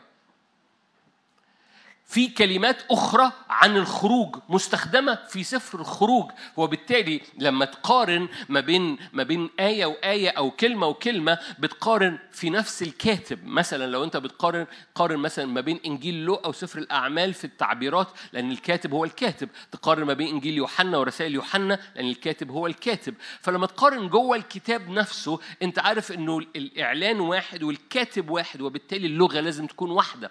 فلما كل سفر خروج يتكلم عن سفر كلمة خروج الشعب من الأرض يستعمل تعبير معين بس يأتي عند الآية دي ويستعمل تعبير صعود تكتشف إن القصة فيها وراها معنى لأن الآية آية نبوية. لأن رئيس هذا العالم ده مش فرعون العالم ده مش مصر ده والشعب ده مش شعب عهد قديم. هذه الآية هذه الكلمة صالحة للتعليم ويسوع استخدم سفر الخروج والرسل استخدموا سفر الخروج عن ولادة روحية عن خروج من عبودية ودخول إلى أرض حرية. وبالتالي هذا التعبير إحنا مش بنتجنى عليه. ان إحنا نقول ده رئيس هذا العالم إبليس مصر رمز للعالم. كتاب مقدس في العهد الجديد يستخدم إن مصر رمز للعالم. وبالتالي شعب في العهد القديم هنا رمز لشعب الرب اللي رئيس هذا العالم بيخاف منه لئلا يتحد يلتحد مع أعداء رئيس هذا العالم ويصعدوا عن الأرض. تقول لي لا هي خروج. أقول لك معاك خروج. عايز تمشيها خروج؟ مشيها خروج. بس احتفظ جواك بالمعلومة.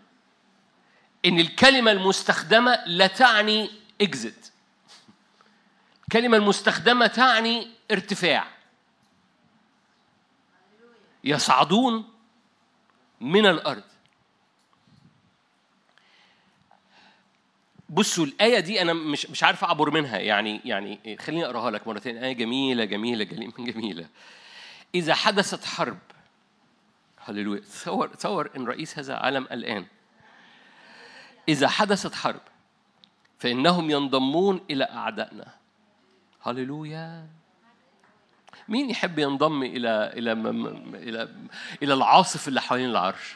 علشان كده بالمناسبة علشان كده علشان كده وقفتك قدام العرش مش فكرة جميلة. عشان كده الوقت اللي فات لما كنت كنت بتاخد خلوتك كنت بتعدي لما كنتش بتاخد خلوتك كنت بتتحشر. عشان تتعلم عايز تعدي دائما احتفظ بوقفتك قدام العرش. عشان الدرس ده ما هو التبعية في البرية بتعلمنا دروس. عشان الدرس ده تدركه فتدرك إن وقوفك حوالين العرش بيوقفك حوالين العاصف والعاصف ده ملائكة الرب الرياح اللي الرب يرسلها عشان تبقى خادمة للقديسين عشان يقفوا صف واحد بني آدم ملاك بني آدم ملاك بني آدم ملاك ليه في مواجهة رئيس هذا العالم لأن إذا حدثت حرب يتحدوا يتحدوا مع أعدائنا ويحاربوننا.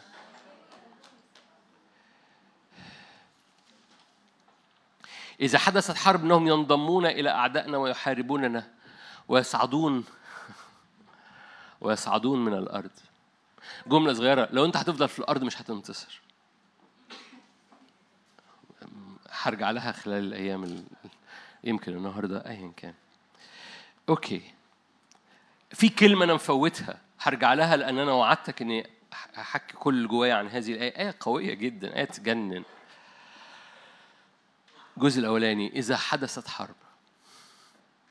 تقول يعني آه، أقول لك كل فد ما كانش حرب كل فد كان بيرمي علينا ابنه مخازن رعمسيس. دي مش حرب ده ذل. أنتوا قلبتوا على على السلبي. ما آه ده هيتكلم على حرب. اللي كان بيسلينا بيه. مش حرب. دي مش حرب. ده بيسليك أنا آسف التعبير في ذل بناء مخازن آلهة العالم. ده مش حرب. إذا حدثت حرب أصل إذا حدثت حرب إبليس مهزوم. ده مش حرب. بنى مخازن رعمسيس. دي مش حرب. ده إذلال وتسخير وإحنا بننحني ليها وبنسميها حرب. بس ده مش حرب. رئيس هذا العالم الآن إذا حدثت حرب يعني عارفين يعني إيه حدث حرب؟ يعني الرب في السماوات أم مصفر جمعوا ابطالي خلوا بالكم إذا حدثت حرب إبليس مش اللي بي بيبتديها إذا حدثت حرب ده الرب اللي بيبتديها. إذا حدثت حرب دي دي مش اللي هو اللي هيعملها، إذا حدثت حرب دي لما لما. لما ملك الملوك يصفر لأبطاله حنزل بأبطالي. خلي بالك حنزل بأبطالي، انزل يا رب أبطالك، يعني أبطاله موجودين فين؟ فوق.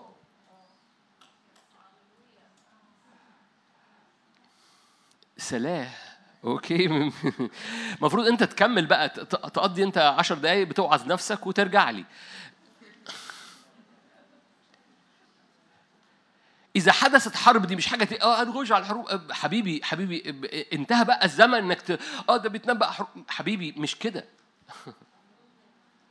إبليس منزعج جدا. إذا حدثت حرب وأنا عايز أقول لك بقى رب يصفر تعبير بالمناسبة أصل في ممكن حد بي... تع- تعبير رب يصفر ده مش مش اختراع. هذا التعبير موجود في سفر زكريا صح؟ عشرة ارجع مش هنفتحه دلوقتي. رب يصفر للفرسان.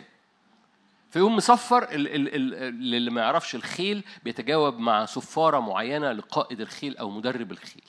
فرب يصفر فالخيل بيجتمع. الخيل ده مش مش حصنة على الفاضي حصنة عليها راكبين. كل فرس له فارس. ويسمي الرب شعب الرب إن هم فرسان. فرب لما بيصفر الفرس بيأتي. بالمناسبة هذا التعبير ما هو برضه كتاب مقدس حكيم. آه، هذا التعبير عن قصد. الرب بيصفر فالفرس اللي بيجي الفارس مجرد راكب على الفرس.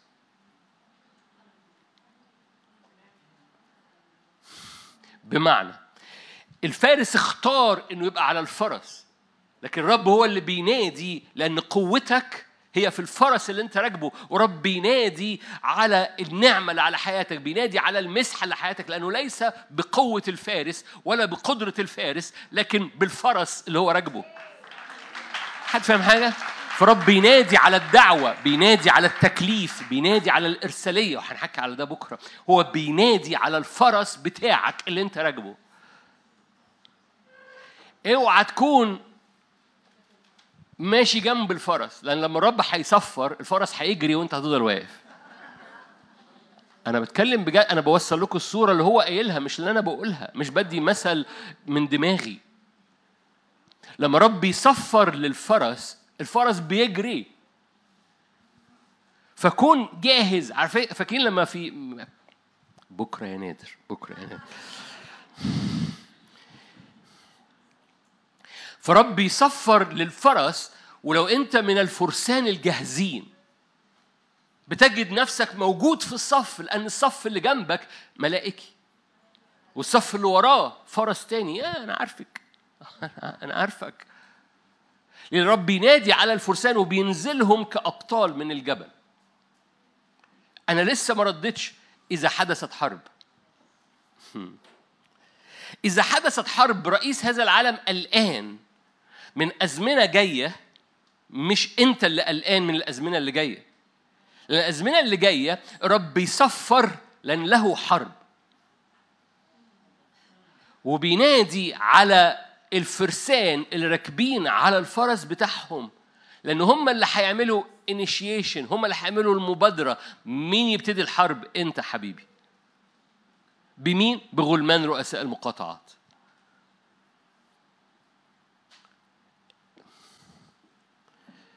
أنتوا جمال.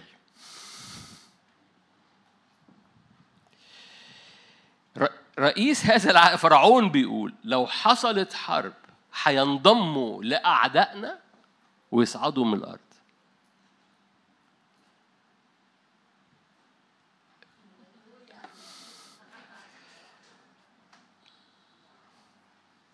أقولها مرة تاني لأنها عجباني. أو يمكن تمطر على أرضك.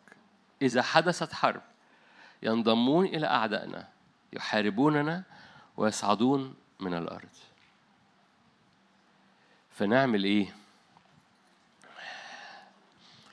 فنشغلهم في بنى مخازن آلهة الأرض فأنا نورت لك النور ما تستنزفش لا تسمح للاستنزاف بأثقال تؤدي إلى ذل إنك تستثمر حياتك في بناء مخازن لآلهة هذا الأرض كانت نجاسة إن كان الأنا إن كان مملكتك إن كان كبريائك إن كان حقك إن كان أي حاجة من الحاجات دي. رخيصة رخيصة رخيصة. عارفين الآيات اللي في أيوب؟ ألقي تبري على التراب لأنت تبر لي.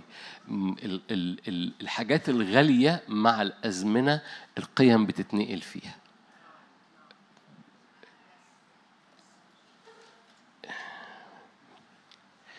حاجات انت مستغليها النهارده في مواقف معينة فجأة بتفقد قيمتها ويبقى حاجة تانية هي الغالية.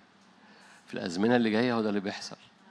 فأنت بتستغلى إنك تبني لآلهة رعمسيس وبعد كده فجأة تكتشف إنه أنتوا كويسين. أنا كنت حكي قصة بس ملهاش لازمة عشان الوقت.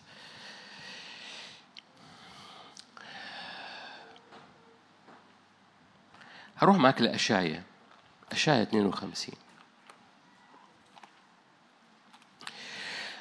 أشعيا 52 53 54 رسالة متكاملة على بعض.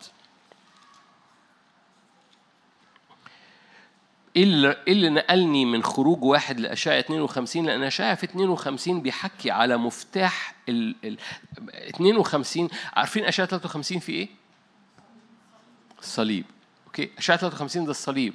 مجروح لأجل معاصينا مسحوق لأجل أثامنا تأديب سلامنا عليه وبحبره شفينا okay. ده اشعيا 53 لا منظر له ولا جمال فلم نعتد به. okay. ده 53 52 و 54 هم الساندويتش اللي حوالين الفدا. يعني إيه؟ يعني ده ال system بتاع الحياة الروحية. لما تقرأ كده 52 53 54 تاخد package متكاملة من ال من ال من الإنجيل. حاجة كده على بعضها كبسولة على بعض. ففي 52 مستخدم تعبير هو ده اللي بي بي بياخدني من خروج واحد. إيه هو التعبير؟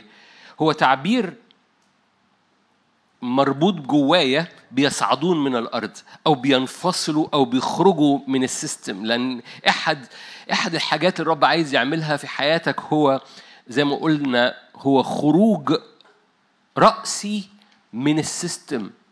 يصعدون من الأرض. هو مش خروج أفقي من أرض الأرض لكن هو خروج رأسي من أرض إلى أرض.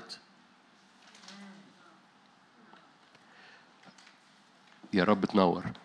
مقاصد الرب مش خروج أفق عارفين يعني إيه أفق وراسي مش احتياطي.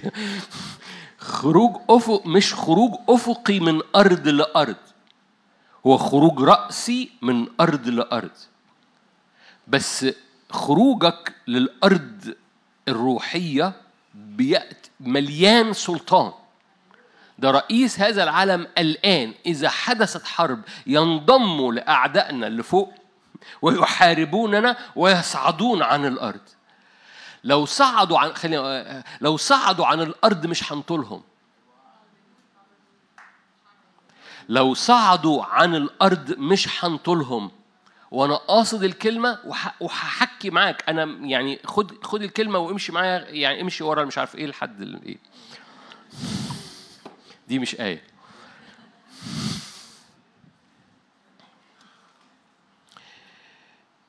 أشعة 52 آيات يمكن بعضكم ما بيحبهاش لكن آيات جميلة لو أنت فهمت المعنى الروحي بتاعها. آية 11 اعتزلوا اعتزلوا.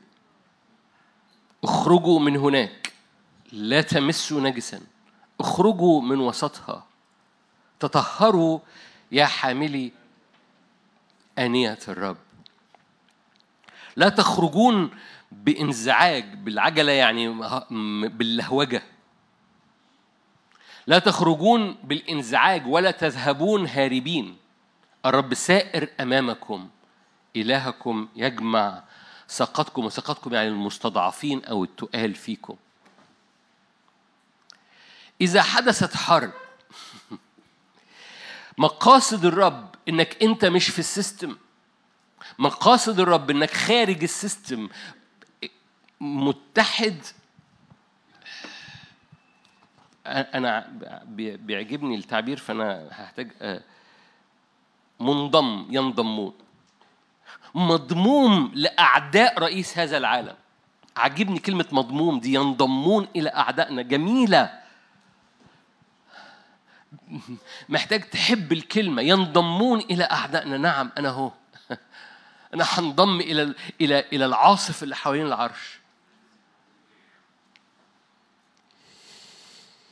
فلما تحدث المواجهة مقاصد الرب إنك مش في السيستم لأنهم تصعدون عن الأرض لأنك منضم إلى أعداء مش من هذه الأرض. اعتزلوا اخرجوا من وسطها تطهروا يا حاملي آنية الرب. لا تخرجون بلهوجة أو بسرعة أو بانزعاج ولا تذهبون هاربين لأن الرب سائر أمامكم إله الشعب الرب يجمع سقطكم وسقطكم يعني التقال أو المحملين أو ال...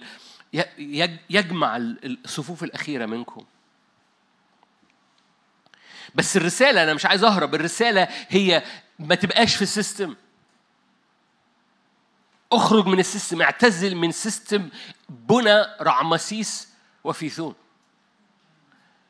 اعتزل من هذا ال system اللي فيه استثمارات في في في أفكار وفي أنا وفي اعتزل من هذا ال system لأن هذا ال system إذا حدثت حرب بيعرف يحني رأسك لكن إذا حدثت حرب لو أنت مش في ال system بتخرج راسيا مش افقيا بتخرج راسيا وتنضم مع أعداء رئيس هذا العالم وتصعد عن الأرض.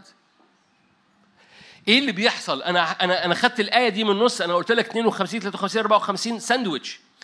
أو combo أو أو كبسوله متكاملة من الكرازة. 53 هو الفدا هو القوة اللي بت- بتفتدي حياتك عشان تديك الصلاحية في هذه الحركة من الخروج لفوق من الخروج من سيستم إلى مستوى أعلى. عشان كده أنا أنا حريص أستعمل كلمة يصعدون عن الأرض. هو خروج لفوق. حركة شعب الرب هي خروج لفوق طول الوقت في الزمن اللي جاي. لو لو لو بنتحكي عن أزمنة خروج هو أزمنة خروج لفوق طول الوقت. عشان كده يسوع وأنا إن ارتفعت بعمل إيه؟ بخرجهم لفوق. بخرجهم لفوق من كل تأثيرات لعنة قديمة. بخرجهم لفوق لحضن الآب. بخرجهم لفوق اجلس عن يميني حتى أضع أعدائك. موطئ القدمين ليه؟ قضيب عزك. ليه؟ لأن ده مكان السلطان لأن أخرج لفوق ده مكان السلطان. من هنا ملكي صادق من هنا السلطان من هنا قضيب العز. ليه؟ لأنه لأنه أخرج لفوق. اجلس عن يميني حتى أضع أعدائك موطئ القدميك خروج لفوق. فلما تقرأ 52 بقى ترجع لأولها. استيقظي البسي عزك يا صهيون هللويا. البسي ثياب جمالك. لا يعود يدخلك فيما بعد. أغلف ولا نجس. انتفضي من التراب. بطلي بنى رعمسيس. انتفضي من تراب البنى ده والاستثمارات دي انتفضي من ال... من ال- الذل وال... والأثقال دي انتفضي البسي انتفضي من التراب قومي اجلسي انحلي من ربط عنقك أيتها المسبيه ليه مجانا اتبعتي بلا فضة تفكون. هكذا قال السيد الرب إلى مصر. مصر العالم. القصة مش مصر جغرافيا مصر العالم. القصة كلها إن رب يفتدي من روح العالم فانتفضي من التراب انتفضي من بنى رعمسيس وبنى بنى الأثقال القديمة لإجلسي البسي ثياب بعزك البسي ثياب جمالك. إزاي ده يحصل؟ اعتزلوا. حد فاهم حاجة؟ دي مش وعظة ودي مش وعظة دول على بعض 52 على بعض. اعتزلوا اخرجوا منها. تقدسوا يا حاملي أنية الرب مربوطة بإلبسي ثياب عزك إلبسي ثياب جمالك. انفضي تراب رعمسيس ليه؟ لأنه أنا فادي. لأن لا منظر ولا جمال لكن وضع عليه إثم جميعنا. فمن من من هذا من هذا المكان من الصليب يرى نسلا تطول أيامه. فيفرح حد عارف 53 ماشي. 54 في إيه بقى إن شاء الله؟ ترنمي ايتها العاقر. ليه؟ لأنه لأن بعلك هو صانعك لا تخافي مدي أطنابك شددي أوتادك. ليه؟ لأن الجبال تزول أما إحساني فلا يزول عنك. ويقوم نائل على الكنيسة نائل على شعب الرب. لأجعل شرفك ياقوتا وأبوابك حجارة بهرمانية. كل تخومك حجارة كريمة. كل بنيك تلاميذ للرب. إيه العلاقة ما بين ما بين ما بين إيه، اعتزلوا. وأنا لا منظر ولا جمال بس اتحط عليا وكل بنيك تلاميذ للرب. دي كبسولة متكاملة من الرسالة الإلهية للكرازة إنه أنا باخدك من تحت كل عبودية من كل تراب لأن أنا فادي وضع علي إثم جميعنا فاعتزل من ال system ار- ارتفع من ال system اخرج من هذا ال system وأنفض التراب. البس ثياب عزك البس ثياب بهائك. ليه؟ لأني أنا بعد حاجة مجيدة. كل بنيك تلاميذ للرب أبوابك حجارة بهرمانية. بالمناسبة هذا المؤتمر اسمه أبواب مدينة الله هنحكي عنها بالتفاصيل بس هذه الآية أربطها مع اجتماع بالليل. لأن ال ال ال الاستراتيجية الإلهية هو بياخد الشعب الرب في الزمن اللي جاي. لأن إذا حدثت حرب خليني أقول لك ربنا بيصفر في هذا الزمن إنه زمن حدوث حرب. رب يصفر و و و و وما تاخدهاش تقول آه الناس ده زمن رب هو اللي بيبادر وبينادي على أبطاله وبيصفر للفرس اللي انت راكبه وفجأة تجد نفسك بقيت في الصف. لو انت راكب الفرس لو انت جنب الفرس فجأة مش هتلاقي الفرس جنبك. هتفهم حاجة؟ فلو انت راكب هذا الفرس رب يصفر للفرس. فالفرس بيأتي ليه؟ لأنه هو ده هو دي الاستراتيجية. هو بينادي على الدعوة اللي على حياتك بينادي على التكليف اللي على حياتك على على على على الوظيفة الروحية على كل حاجات أودعها جواك. هو ده الفرس اللي انت راكبه. هو ده معنى حياتك. مش بقدرتك مش برجليك مش بذكائك مش بأفكارك مش حتى بتاريخك بالفرس اللي انت انت راكب الفرس أم لا؟ لو انت راكب الفرس هناك ثقة غير عادية في استخدام الرب ليك لأن الرب لما بيصفر اللي انت راكبه بيروح له.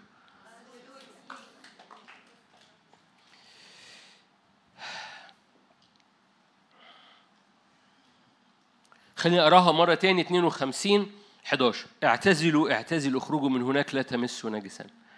اخرجوا من وسطها. في في في شيفت في السيستم إيه، لو في حاجة للزمن اللي جاي هو إيه، انفصال عن سيستم اللي انت منفصل عنه ليك سلطان عليه. أي شيء انت منفصل عنه ليك سلطان عليه. يسوع قال كده رئيس هذا العالم يأتي. بس ما فيش أي شيء مشترك ما بيني وما بينه. ولأن ما فيش أي شيء ولا فكرة مشتركة ولا مشاعر مشتركة ولا دوافع مشتركة ما بيني وبين رئيس هذا العالم فأنا ليا سلطان عليه. ليس له في شيء ما فيش أي شيء مشترك. انفصالك هو مش انفصال كده هو انفصال كده. لأن انفصالك الأفقي الحقيقي الحقيقي الحقيقي ما بي- بيخليك ما زلت في ال system. أنا ياما حاولت أنفصل أفقيا. بتفلفص لأنك بتحاول تعملها بقوتك. انفصالك رأسيا بيسكب عليك نعمة الانتصار على اللي تحت. رئيس هذا العالم كان قلقان من إيه فاكرين؟ إذا حدثت حرب ينضمون إلى أعدائنا ويحاربوننا ويصعدون عن الأرض. أنا مرة تاني هرجع للجملة اللي أنا عديتها لك وقلت لك عايز تستعملها يخرجون ماشي لكن هرجع ليها وأقول لك لأ هو استعمل كلمة صعود. هو قلقان لو هذا الشعب صعد عن الأرض بصورة نبوية طبعا مش بصورة هتفهم حاجة؟ قال ينضمون إلى أعدائنا ويحاربوننا ويصعدون عن الأرض. فتعالوا نثبتهم في الأرض ندخلهم جوه السيستم. تعالوا نمسمرهم في الأرض. نثبت إن هم ملزوقين في الأرض. ابن مخازن رعمسيس. فيقوم مثبتهم في الأرض. والقصة كلها هؤلاء الأبطال لو انضموا إلى أعداء رئيس هذا العالم يصعدون على الأرض. فيا ويل إبليس. لانهم خفاف. محتاج بقى مش محتاج أقول لك بقى عن النسور مش محتاج أقول لك عن رفع الأجنحة مش محتاج أقول لك على بس القصة كلها برجع تاني ليسوع في الصليب وأنا إن ارتفعت أجذب الي الجميع.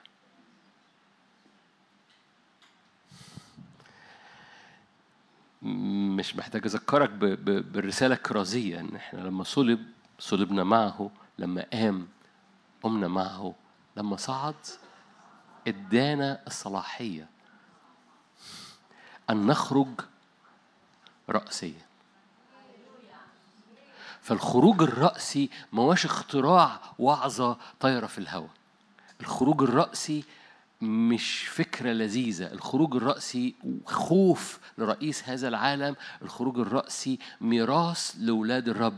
إن أرواحهم بتتواجد قدام العرش حوالين العاصف وبيحاربوا من هذا المكان. الخروج الرأسي هو الحياة الطبيعية لأولاد الرب لغاية لما يجي الرب. وأنا إن ارتفعت. كورنثوس الثانية ستة. كورنثوس الثانية ستة كورنثوس بولس الرسول استخدم آية أشعية. أنتوا كويسين؟ طيب. كورنثوس الثانية ستة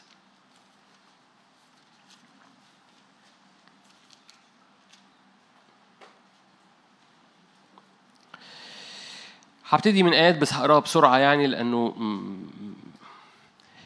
بولس الرسول مستخدم آيات إشعياء 52 اللي إحنا قريناها لا تكونوا تحت نير مع غير المؤمنين أي خلطة للبر والإثم أي شركة للنور مع الظلمة أي اتفاق للمسيح مع بليعال أي نصيب للمؤمن مع غير المؤمن أي موافقة.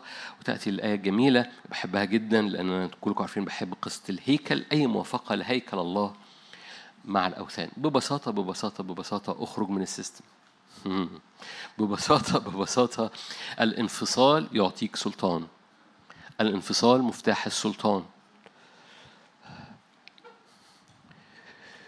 فإنكم أنتم هيكل الله الحي أي موافقة لهيكل الله مع الأوثان فإنكم أنتم هيكل الله الحي كما قال الله سأسكن فيهم أسير بينهم أكون لهم إلها وهم يكونون لي شعبا. خلي بالك ده العهد الجديد. لذلك اخرجوا من وسطهم. مش مش معنى كده اخرج من العالم واطلع الصحراء معنى كده اخرج بره ال system. كلكم عارفين أحد آباء الرهبان حتى قال كده. خرجت من حتى البلد بتاعته لأنه كان في مصر. خرجت من كذا. واتقالت برضو جيروم قالها أو قال كده. خرجت من روما فوجدت روما خر- خرج من روما عشان يبقى فوجدت روما في قلبي. فالقصة مش خروج من أرض داخل تسيب شغلك يعني تسيب شغلك اخرجوا من وسطهم. no no. قصة اخرج من ال system اللي ما يخشش جواك.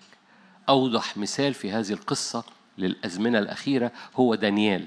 دانيال كان شغال دانيال كان في البلاط الملكي. دانيال غيروا اسمه غيروا اسمه لأحد اسم الآلهة. غيروا اسمه بلطشاصر ده اسم أحد الآلهة. علموه لغة بابل. فتعلم اللغة بيشتغل في بابل. غيروا اسمه لكن ما بيدخلش بابل جوه رفض إنه يتنجس بأطايب الملك ما تخشش جوايا ما تخشش جوه ال system بتاعي. فعايز شكلي يبقى cute cute عايزني أقول أنا شغال معاك. عايز نشتغل أنا شغال معاك. لكن ال system ما يخشش جوايا اعتزلوا من وسطهم. okay. بس توضيحا عشان ما إيه؟ اعتزلوا يقول الرب ولا تمسوا نجسا فأقبلكم وأكون لكم أبا وأنتم تكونون لي بنين وب... بالمناسبة هو دانيال كان بيصعد؟ هللويا. ثلاث مرات في اليوم. ثلاث مرات في اليوم كان بيصعد. إزاي؟ بيفتح النافذة إلى أورشليم. أورشليم دي فوق الجبل. فكان كل يوم ثلاث أيام يرفع عينيه. كان ثلاث أيام في اليوم بيصعد. صباح الخير. دانيال كان ليه علاقة مع الملائكة؟ صباح الخير. إذا حدثت حرب ينضمون إلى أعدائنا ويصعدون عن الأرض.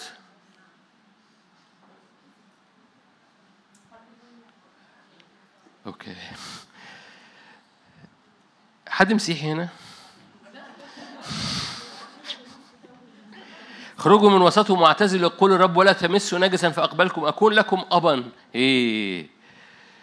يعني هو قبل كده كان بيتكلم مين؟ ما كانش ولاده كانوا ولاده بس في حاجة في في في في في ديناميكية مختلفة خالص لأن ما بقتش تبعية في البرية بقت سكنة في الآب وامتلاك.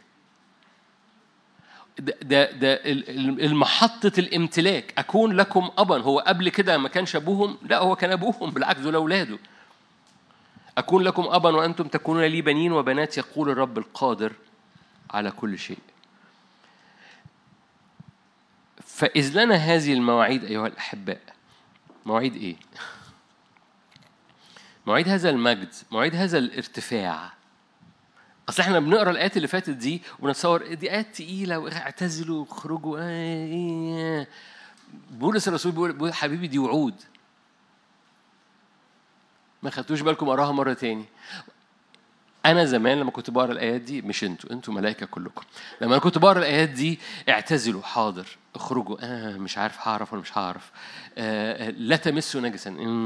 طب ما ما- ماشي. وباخدها على أنا هعمل أنا ح... وأنا مش هقدر أنا مش آه، فاهمين؟ بوس الرسول مش دي مش روح الكلمة خالص. دي مش روح الكلمة خالص. وهو بيقول لك اعتزلوا اخرجوا ليه أنتم هيكل الله. اطلع لي فوق. أنا أبوك تعالى أسكن فيا. دي وعود. دي مش بقدرتك ولا بقوتك. ده بعطش بير بي بيرفعك لأنك عمرك بص لو أنت بتتنقل أفقي تمشي على رجليك لكن لو أنت بتتنقل رأسي ما عندكش أجنحة إلا النعمة. هقولها بطريقة تاني يمكن ما نورتش جواك. لو أنت بتتنقل أفقي بقدرتك أو بقوتك لكن لو الرب يقول لك اطلع لي فوق رجليك مش هتجيبها. فانت فهي نعمة. فلما بيقول لك اخرج من ال system انت هيكل الله. مفيش موافقة ما بين هيكل الله والأصنام. فأكون لكم ابا وتسكن في مكان ال destination بتاعك السكنة الحقيقية اللي في الامتلاك في الآب. ده مكان مش بقدرتك ولا بقوتك. إذ لنا هذه المواعيد.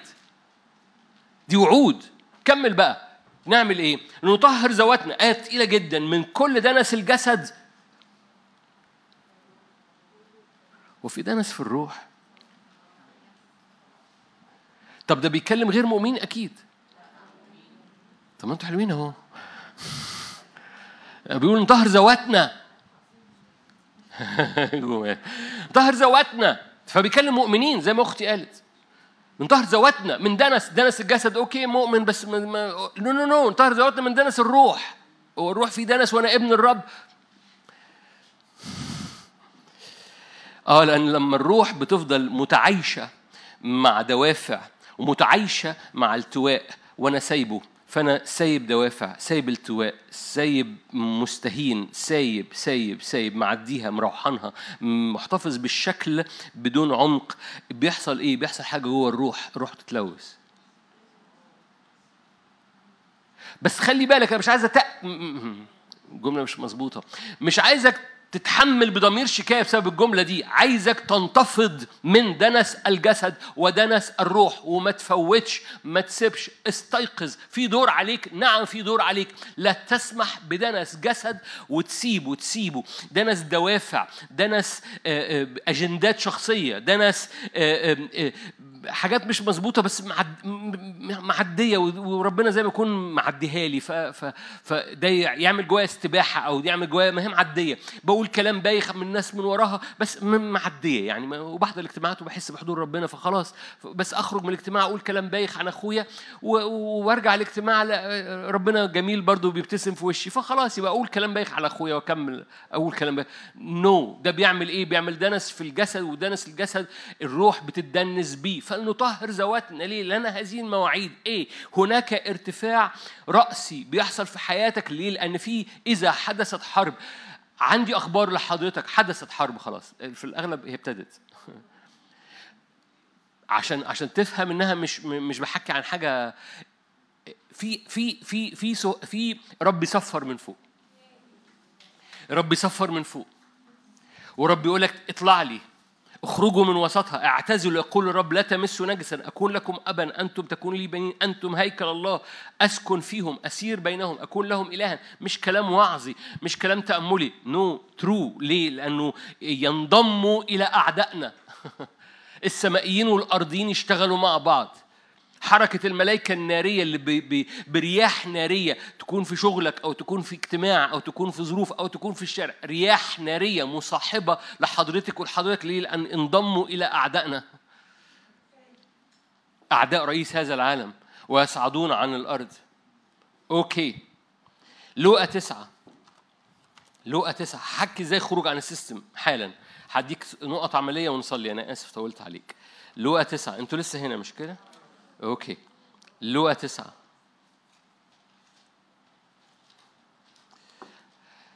هديك حاجات عملية علشان الموضوع مش بس يعني طاير في الهوا نبوي. لا. له حق كتابي نقاطي. لوقا تسعة. قصة كلكم برضو عارفينها وبحبها من إنجيل لوقا بصورة خاصة لأنها في تعبير خاص موجود في لوقا لوقا هو اللي ذكره. في قصة التجلي كلكم عارفين أنا من أول شهر من نص شهر ستة بقول لكم القصة إحنا رايحين على إيه؟ على لمعان يسوع في العروس. على تجلي ولاد الرب. عن عن تجلي يسوع جوه ولاد الرب. آية 28 بعد هذا الكلام بنحو ثمانية أيام أخذ بطرس ويوحنا ويعقوب وصعد إلى جبل ليصلي فيما هو يصلي صارت هيئته وجهه متغيرة لباسه مبيضا لامعا إذا رجلان يتكلمان معه. هنا القصة جميلة. السمائيين اتفتحوا. إذا رجلان يتكلمان معه هو موسى وإيليا اللذان ظهر بمجد وتكلما وهنا التعبير اللي بحبه عن إيه؟ عن خروجه. الذي كان عتيدا أن يكمله في أورشليم.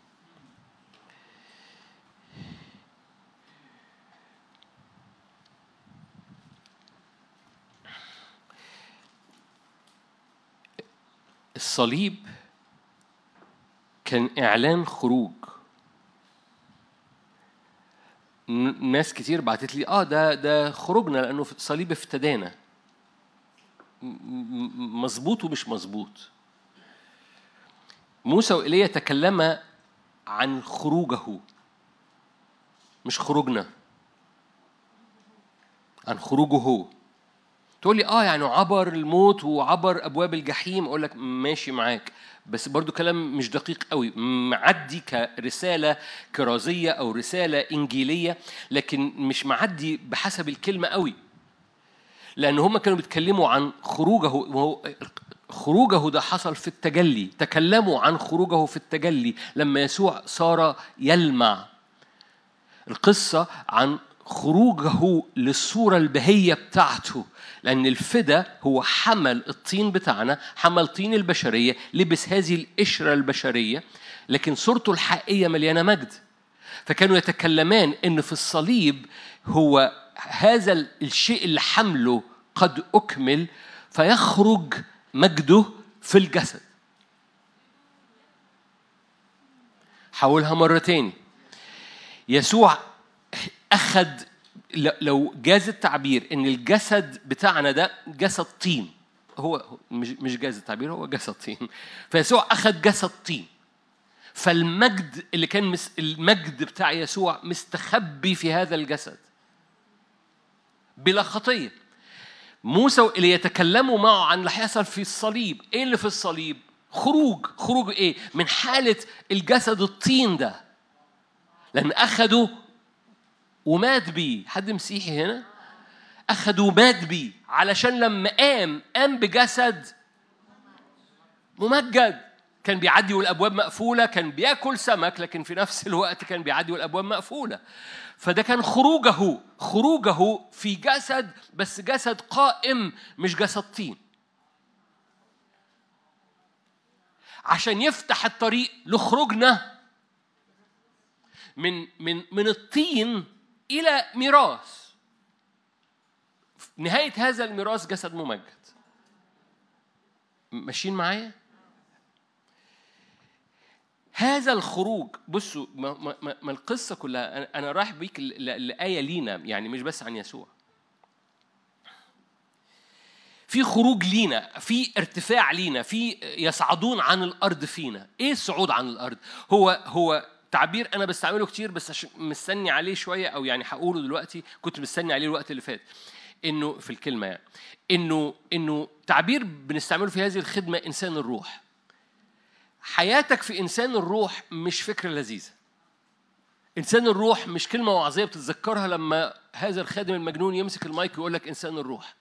وإن الإنسان الروح ساكن فيك وإن الإنسان القلب الداخلي وإنه تتأيد بالقوة في الإنسان الباطن ومذكرك بلستة آيات بيتكلم عن إنسان الروح الداخلي بتاعك واه آه آه آه, آه أنا عارف آدي مصدق فيها آمين آمين آمين. no no no no, no.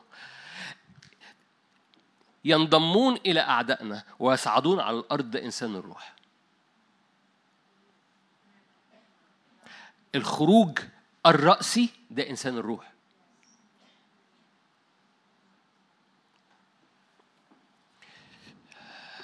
وشكوا مش عاجبني بس هروح لروميا اتنين. لا وشكوا جميلة أنا آسف. روميا اتنين روميا اتنين روميا اتنين روميا اتنين روميا اتنين. أنا قربت أخلص ما تنزعجش خالص. روميا اتنين تسعة وعشرين. النص الثاني من من الآية. ختان القلب بالروح. لا بالكتاب هو الختان. الذي مدحه ليس من الناس بل من الله. ختان جسدك ختان أعمال الجسد بالروح. العهد القديم كان مديهم شريعة اسمها شريعة الختان صورة روحية نبوية رمزية عشان عشان كده القصة مش حرفية في كتاب مقدس. كان بتعبد في العهد القديم بالحرف بس الحرف بيقتل عشان كده الشعب مات.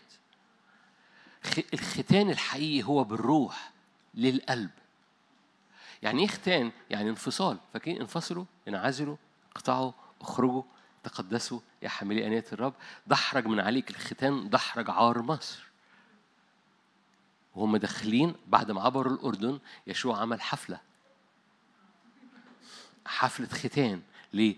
كان في شعب ما اتختنش لأن هم اتولدوا في البرية. فهم داخلين عشان يمتلكوا كان لازم نعمل ختان. ختان يعني إيه؟ يعني انفصال علشان الانفصال بيديك سلطان للامتلاك. فالختان هو قطع انعزلوا انفصلوا. في العهد الجديد ختان بالروح. الروح بيقوم خاتن الطبيعي بتاعي قطعه. يدحرجه مصر ما بقاش ليها حق فيا. أنا زمان قضيت ببني مخازن رعمسيس. بس اللي كان بي بي بي عنده كارنيه من بنائين رعمسيس هذا الكارنيه اتدحرج من على حياتي.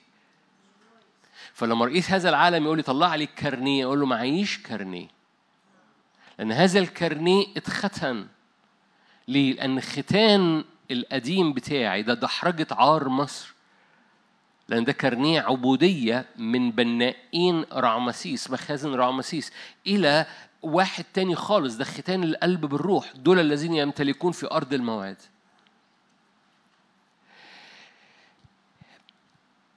عشان أقول لك تعبير دي أزمنة خروجك. خروجك رأسيا لإنسان الروح بتاعك. أزمنة خروج إنسانك الروحي رأسيا وصعود واتحاد وانضمام مع أجناد الرب الروحية وفرسانه ضد رئيس هذا العالم. أزمنة خروجك بإنسان الروح بتاعك ووقوفك على الفرس بتاعك من أجل انضمامك للفرسان بتوع الرب لحسم الحرب اللي هتجري في الأزمنة اللي جاية. ده أزمنة انفصال وصعود لإنسانك الروحي على حساب يسوع المسيح. أزمنة تواجدك قدام العرش اللي حواليه عاصف. ووصفت لك إيه هو العاصف؟ عاصف وتقف في هذا المكان تواجدك في العاصف بيديك صلاحية إنك تبقى موجود في وسط حركة ملائكية زي ما كان حاصل مع إليشع. أي حد كان واقف قدام العرش كان بيتواجد حواليه ملائكه أي حد بيتواجد قدام العرش بيتواجد حواليه ملائكة لأن حوالين العرش ملائكة. مش بس ملائكة صاعدة ونازلة لكن ملائكة عاصف حوالين العرش. انضمام إنسانك الروحي للوقفة قدام العرش وحركة الملائكة بيحسم سلطان لأن الزمن الجاي هو أزمنة خروج رأسي. أزمنة خروج رأسي. بيحزم بيحسم السلطان. فلما بقول لك اعتزلوا انفصلوا آه، اخرجوا تقدسوا يا حاملي أنية الرب. هو بيتكلم عن هذه الحالة. وفي هذه الحالة الرب سائر في وسطهم. في هذه الحالة كلها مجد بنت الملك. في هذه الحالة آه آه، خليها بالليل. في هذه الحالة كل آلة صورت ضدك لا تنجح.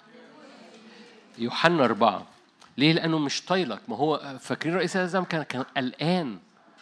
كان قلقان. لو حصلت حرب ينضموا إلى أعدائنا ويصعدون عن الأرض.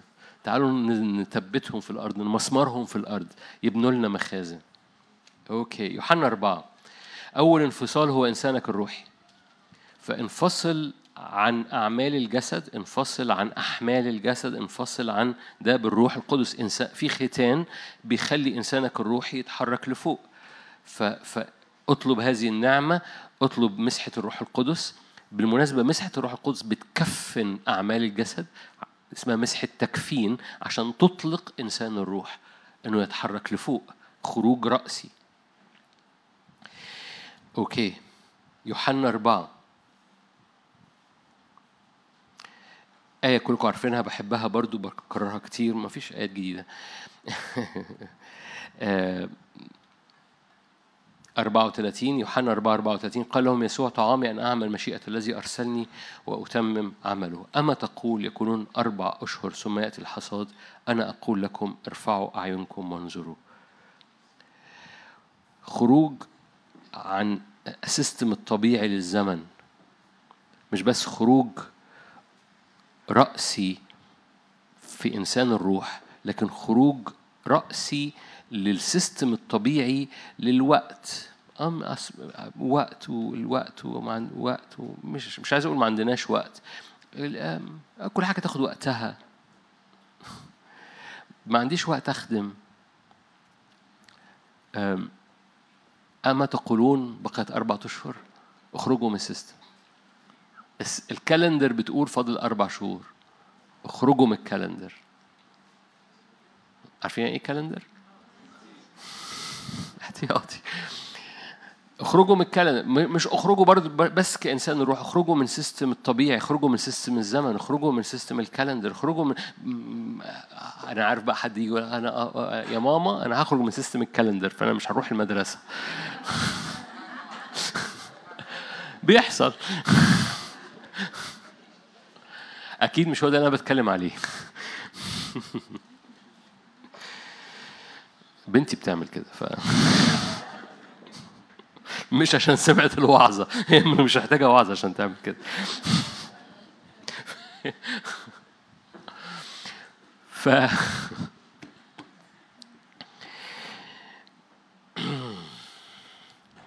فهو خروج عن السيستم اللي هو أنتوا فاهمين قصدي يعني إيه؟ يعني اللي هو إيه أما الرحرحة ال... بقى- أصل كل حاجة تاخد وقتها بقى وما ما... ما... طول بالك عليا ما تكربن يعني. أما تقولون بقيت أربعة أشهر؟ أما أنا فأقول يسوع لما لما وعظ الوعظة المشهورة بتاعته روح الرب مسحني قال كده أكرز بسنة اليوبيل ما تستنوهاش اليوم قد تم المكتوب ما تستنوش اليوبيل. أنتوا كويسين؟ طيب. أوكي. أول خروج هو خروج إنسان الروح رأسي تاني خروج هو خروج عن التسلسل الطبيعي للزمن تالت خروج هو خروج لحكمتك ولأفكارك. سفر دانيال أنا هختم حاضر. أنا بختم بس. خروج خروج عن حكمة الطبيعية خروج عن المنطق الطبيعي. دانيال اتنين لما لما الملك قال لهم قولوا لي الحلم قولوا لي تفسيره ما تضحكوش عليا. قالوا كده هقرأ آية واحدة بس. الأمر الذي يطلبه الملك عسر. دانيال 2 11 بتطلب حاجة مش طبيعية. الأمر الذي يطلبه الملك عسر. ليس آخر يبينه قدام الملك غير الآلهة التي ليست سكناها مع البشر. حلو قوي. عايز تعرف إجابة العالم. إجابة العالم هو صعود من الحكمة الأرضية. دول حكماء الأرض. إلى حاجة نازلة من فوق. الأمر الذي يطلبه الملك ليس عسر ليس آخر يبينه قدام الملك غير الآلهة التي ليست سكناها مع البشر. فاكرين؟ لئلا ينضموا إلى أعدائنا ويصعدون. ليس سكناهم. دانيال حط الآية دي. أنتوا شايفين الآية؟ طب ما تطلعها لي شوية عشان ما دانيال جاوب على السؤال. إذا دانيال ليس سكناه مع البشر. حد فاهم؟ المواجهة ال- المواجهة ليس لها علاقة على المستوى الطبيعي مفيش حل. يكونش ده يعني محتاجين أكتر من كده ذكاء إيه نكتشف إنه على المستوى الطبيعي ملهاش حل. الشهرين اللي فاتوا ما علموناش حاجة. كوفيد معلم... كوفيد خلص طلع مو طلع مو طلع دلتا طلع دلتا ضلع فا.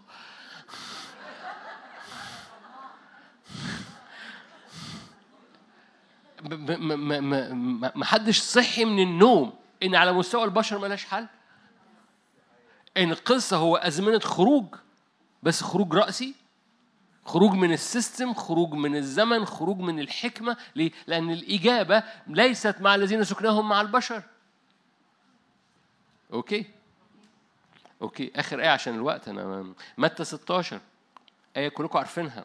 متى 16 كلكم عارفينها. كلكم مسيحيين. متى 16 18 الآية بتقول إيه؟ لا إن شربوا شيئا مميتا ده في مرقس حضرتك. متى 16 متى 16 أنتوا معايا؟ أوكي ربنا يخليك ليا بقولها بكل حماس عشان أخلص. أيوه خلص. متى 16 هنقراها في الاجتماع الجاي متى 16 18 أنا أقول لك أيضا أنت بطرس على هذه الصخرة أبني إيه؟ كنيستي بس خلص أبني كنيستي وأبواب الجحيم لن تقوى عليها هنحكي عن دي الآية دي أكتر الاجتماع اللي جاي لكن كلكم عارفين كنيستي هو التعبير اليوناني إكليسية مش كده؟ يعني إيه إكليسية؟ يعني جماعة خارجة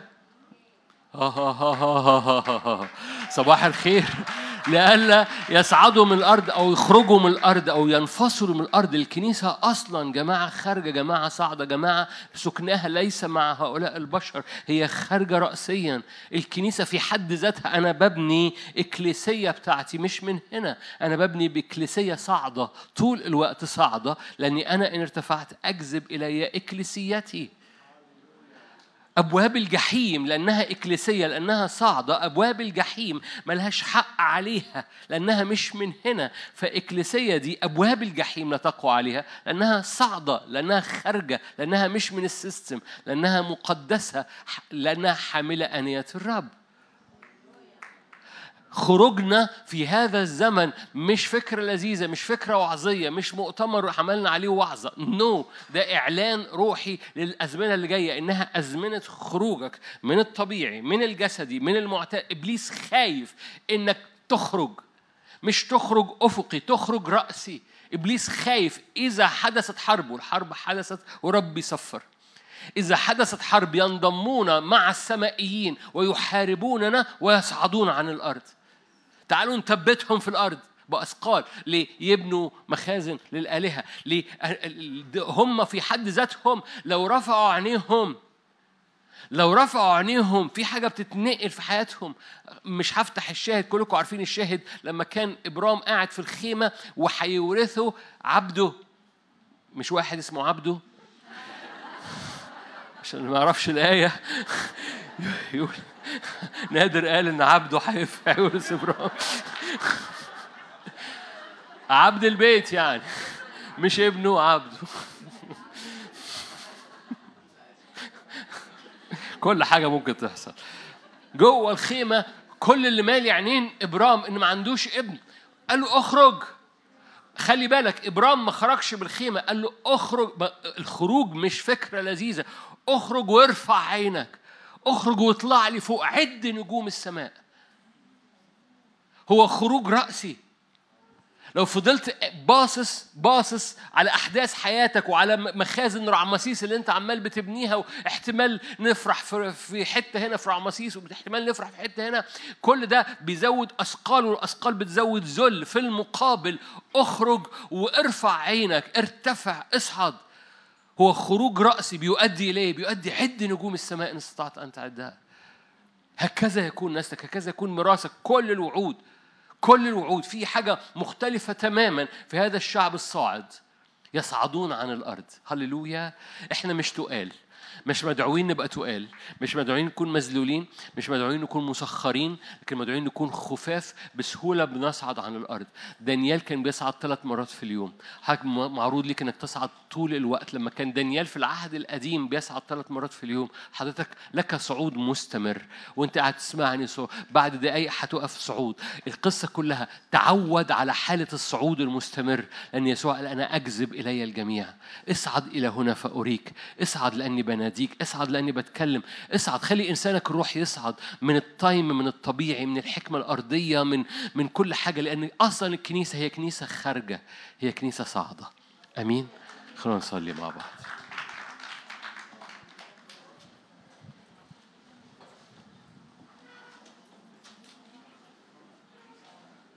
لا سقف لا محدودية لا حبال لتحت.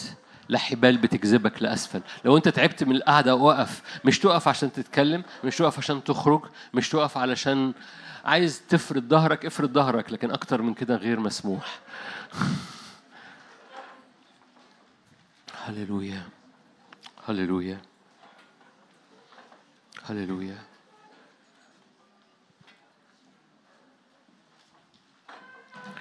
مش مقاصد الرب أحمال أثقال أوجاع إذلال تسخير مش مقاصد الرب إنك تبني مخازن لآلهة مصر مش مقاصد الرب إنك تعيش حياتك بتدور في نفس النقطة حتى لو نقطة مسيحية اسمها تبعية في البرية. مقاصد الرب إنك تقتحم وتعبر وتخرج خروج. فاكرين؟ يقتحمون يعبرون ويخرجون من الباب. هللويا. يخرجون. يخرجون رأسي. يصعدون يتواجدون قدام العرش. أزمنة خروج رأسي. يصعدون من الأرض.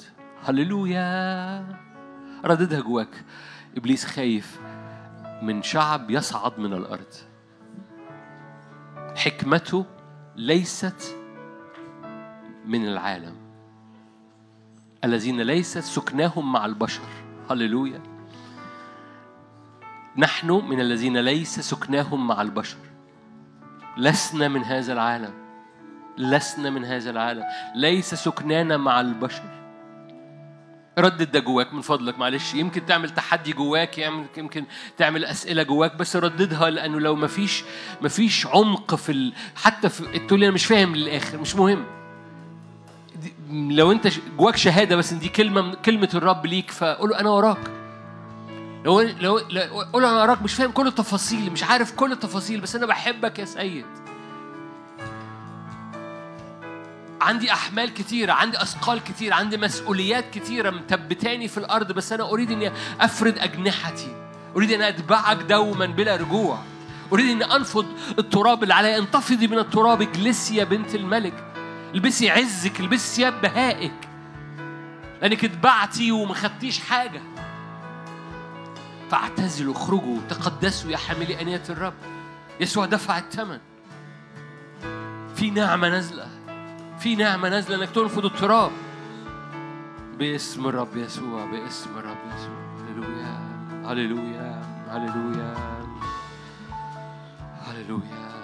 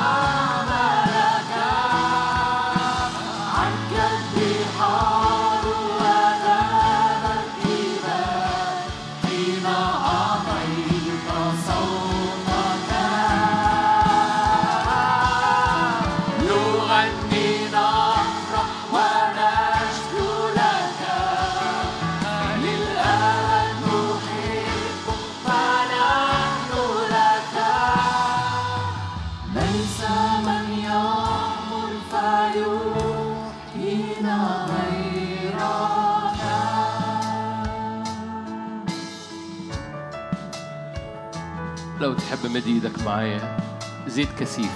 زيت كثيف ل... لختان القلب بالروح. زيت كثيف ل... لطرح أمور جسدية. زيت كثيف لل... للتكفين. زيت كثيف لطرح كل أمور جسدية. هللويا. زيت كثيف. اعتزلوا اخرجوا تقدسوا يا حاملي آنية الرب. أنتم هيكل الله. أي موافقة لهيكل الله مع الأوثان؟ أي موافقة لهيكل الله مع الأوثان؟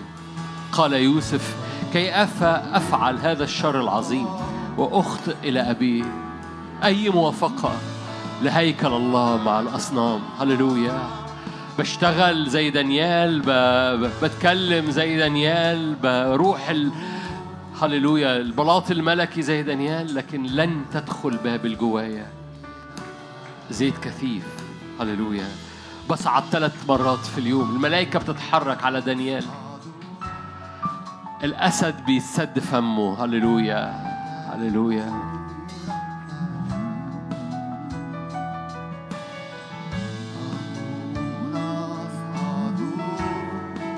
الرب يسكب حكمة.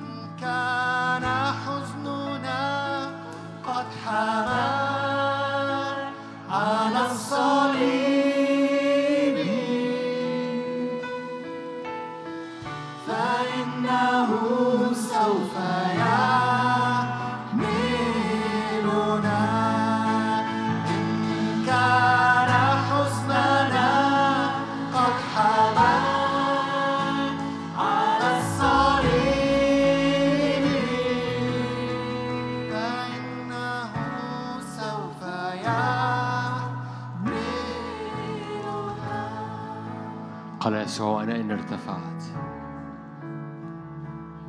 لا لعنة. لا لعنة. وأنا إن ارتفعت. لا لعنة. وأنا إن ارتفعت. أجذب إلي الجميع. وأنا إن ارتفعت. لا لعنة.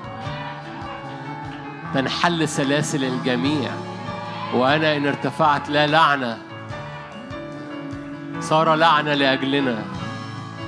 وأنا إن ارتفعت لا لعنة قال يسوع. أجذب إلي الجميع. هللويا. أجذب إلي الجميع. أرفع الجميع. هللويا. هللويا. بذبيحة الواحد كمل أكمل الجميع. يقدس إلى الأبد المقدسين. هللويا. أكمل إلى الأبد المقدسين.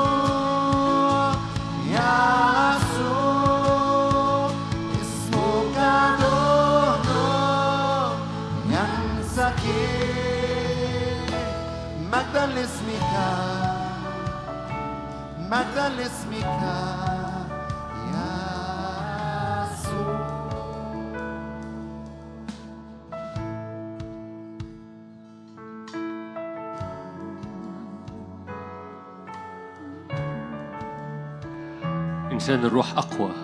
إنسان الروح يخترق. إنسان الروح مليان حكمة. هللويا. إنسان الروح مليان منطق ليس من من من من البشر. فمد إيدك معايا. الرب إداك أكسس للخروج لفوق.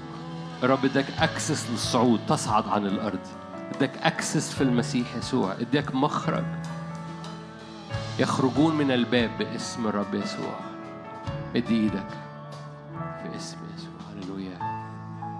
كل قوة الأسفل كل قوة جذب الأسفل كل قوة أرضية كل مخازن أرضية كل آلهة في الأرض من نجاسة من طمع من أنا من كبرياء من من أوجاع من أثقال من شفقة على النفس.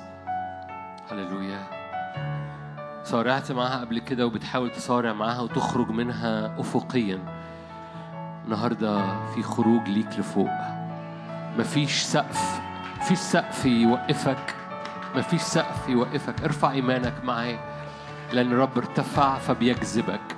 قول له اجذبني وراءك. الترنيمة اللي كنا بنرنمها قبل الاجتماع. اجذبني وراءك اجذبنا اجذبنا لفوق اجذبنا لأعلى اجذب أجنحتنا اجذب عينينا. بنخرج من الخيمة بنخرج من الانحصار والعبودية اللي كان إبرام عايش فيهم. بنخرج زي ما إبرام خرج من الخيمة ورفع عينيه لفوق. هللويا اعلني معايا أنا بخرج من جوه الخيمة دي بخرج جوه الصورة السلبية دي والتوقعات السلبية للزمن اللي جاي. إبرام جوه الخيمة جوه توقعات سلبية للزمن اللي جاي. هللويا قال له اخرج اخرج اخرج اخرج اخرج اطلع اكذبنا يا رب اكذبنا خارج الخيمه يسوع اكذب عينينا ونفسياتنا.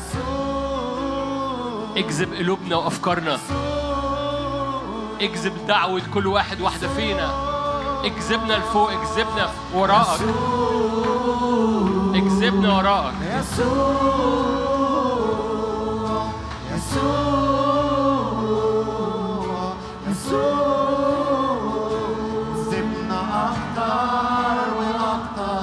ارفعنا أكتر أكتر وأكتر لنكون واحد معاك لنكون واحد معاك.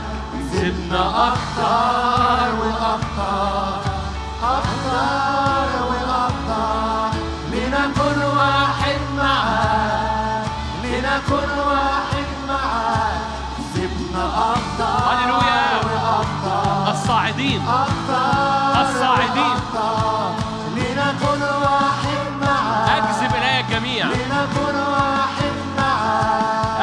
ارتفعت يسوع. أجذب إلي الجميع. يسوع.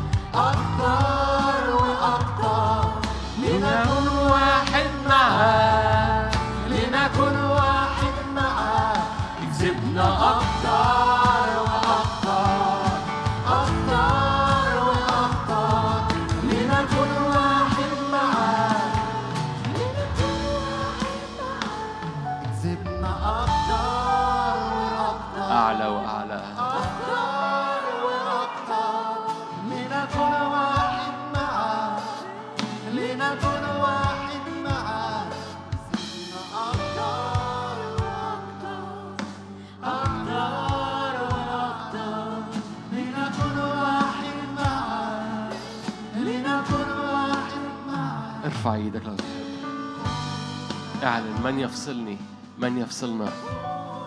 من يفصل النقلة هللويا. من يفصل النقلة. إذا حدثت حرب لن نخاف. سننضم سننضم إلى العاصف الذي حول العرش. إذا حدثت حرب لن نخاف. ليه؟ لأن نحن الصاعدين. هللويا. نصعد عن الأرض. يرفعون أجنحة كالنسور يجرون ولا يتعبون يمشون ولا يعيون لأنهم مش بيمشوا على الأرض لأن الغلمان بيعيون الفتيان بيتعثروا أما منتظر الرب أما الإكليسية هي خارجة هي مرتفعة. أما الإكليسية فبترفع أجنحتها كالنسور. هللويا. أما الإكليسية مثل دانيال هللويا بيصعد ثلاث مرات في اليوم. هللويا. إنه زمن خروج إنه زمن الخروج إنه زمن فاكرين؟ يقتحمون الباب فاكرين؟ يقتحمون الباب يعبرون من الباب بس آخر حاجة إيه؟ يخرجون. يخرجون. يخرجون. يخرجون. يخرجون. يخرجون. هللويا. يخرجون. أنا بعلن في السماويات. يخرجون من الباب. ملكهم أمامهم والرب على رأسهم. هللويا. ملكهم أمامهم والرب على رأسهم. يخرجون له زمن يخرجون.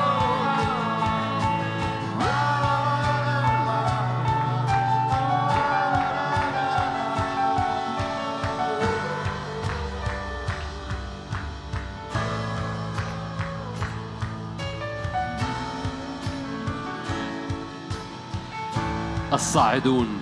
هللويا. الصاعدون كملوك. الصاعدون بقوة قيامة. الصاعدون عابرون خارجون.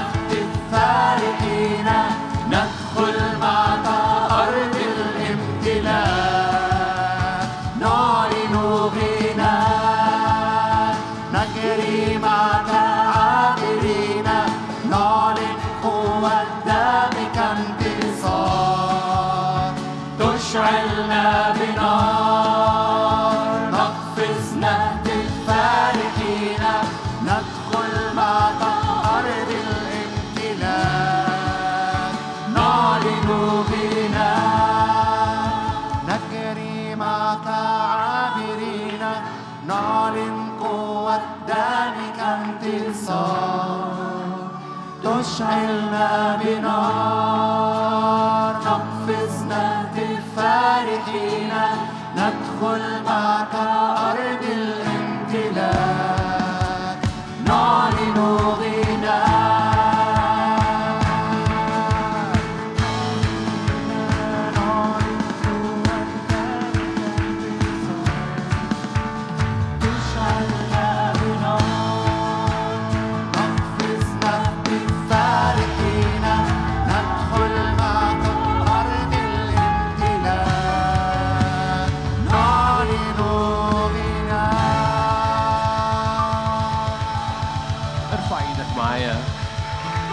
القاعة أو في البيت في نهاية الاجتماع ارفع إيدك معايا نعم باسم الرب يسوع. اقتحمنا عبرنا لنا خروج نخرج نخرج لفوق. الصاعدون نصعد عن الأرض. هللويا. ينضمون إلى أعدائنا ويحاربوننا ويصعدون عن الأرض. هللويا. ينضمون إلى أعدائنا هللويا. ينضمون إلى مصاف السمائيين ينضمون إلى الملائكة إلى العاصف اللي حوالين العرش. يحاربوننا ويصعدون عن الأرض. هللويا. مكتوب كده باطل تنصب الشبكة لكل من له جناح. هنحكي في الاجتماع اللي جاي عن النصرة والغلبة ف بس عايز أشجعك إنك تدرك إن حالة الصعود المستمرة. دانيال كان بيصعد ثلاث مرات أنت مدعو ليك إنك تتواجد تسكن تكون في حالة صعود. إنسان الروح بتاعك خارج طول الوقت وصاعد. التايم بتاعك الوقت بتاعك طول الوقت خارج من الطبيعي وصاعد. الحكمة بتاعتك وأفكارك طول الوقت خارجة من الطبيعي. يقول لك حكمة هذا الإعلان مع الآلهة الذين ليس له سكنهم مع البشر. نعم. فالحكمة بتاعتك طول الوقت صاعدة من الحكمة الأرضية. الإكليسية في حد ذاتها هي خارجة من الطبيعي. هي إكليسية خارجة من الطبيعي. من أجل المواريث بتاعتك زي إبرام خرج من الخيمة خرج من النظر لتحت خرج من النظر للعيان ورفع عينيه لفوق صعد. عد النجوم إن استطعت أن تستطيع أن تعدها. هكذا يكون نسلك باسم الرب يسوع. هللويا. خروج وصعود باسم يسوع. هللويا. باطل تنصب الشبكة. رئيس هذا العالم ليس له فيك شيء. ليس له فينا شيء. لا شيء مشترك. تقدسوا يا حاملي أنية الرب. ارتفعوا يا حاملي أنية الرب. اصعدوا يا حاملي أنية الرب. تقدسوا يا حاملي أنية الرب. دحرجوا عنكم عار مصر يا حاملي أنية الرب. خذوا التراب الطبيعي من ذهنكم. ما طبيعي إن أنا أبني مخازن رعمسيس. مش الطبيعي. مش ميراثك إنك تبني مخازن رعمسيس. هللويا. ميراثك إنك تنضم إلى السمائيين. هللويا. إلى ملائكة الرب المقتدرة قوة الفاعلة أمر عند سماع صوت كلامه. سبحوه يا جميع عبيد الرب في جميع مواضع سلطانه. سبحوه يا جميع عبيد الرب في كل مواضع سلطانه. باسم الرب يسوع.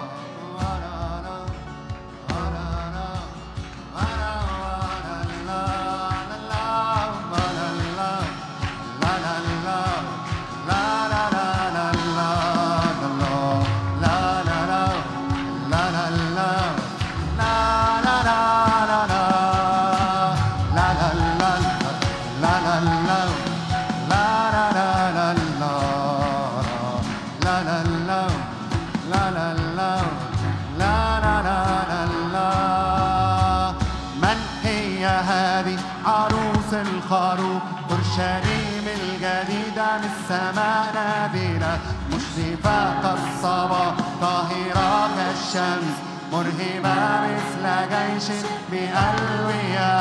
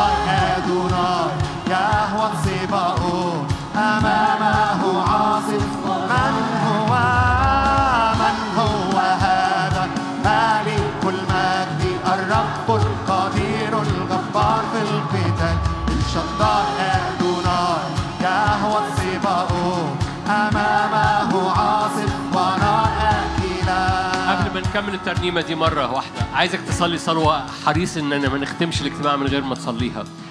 باسم الرب يسوع أي أمراض أنا برميها في الأرض أي أحزان أنا برميها في الأرض أنا بطرحها عني أنا بأصعد وبأرمي تحت بأرمي تحت رجلي. باسم الرب يسوع. فأي حاجات أنت دخلت بيها الاجتماع أو ابتديت تسمع بيها هذا الاجتماع ارميها من عليك. اصعد. حرك إنسانك الروحي لفوق تحرك لفوق وارمي تحت رجليك. أي حاجات انت دخلت بيها. أمراض أحزان أوجاع أفكار سودة سلاسل. مكتوب إن فكت قيود الجميع. في زيت كثيف. في زيت كثيف. في نعمة كثيفة. في حركة ملائكية نارية. من أجل فك السلاسل. من أجل أنك تطرح عنك. اطرح عنك. أحزان مخاوف. ارميها تحت رجليك. اخرج من القاعة من غيرها. الرب هيبعت ناس تكنسها بعيد. ارميها على أرض هذه القاعة وأخرج من غيرها. باسم الرب يسوع.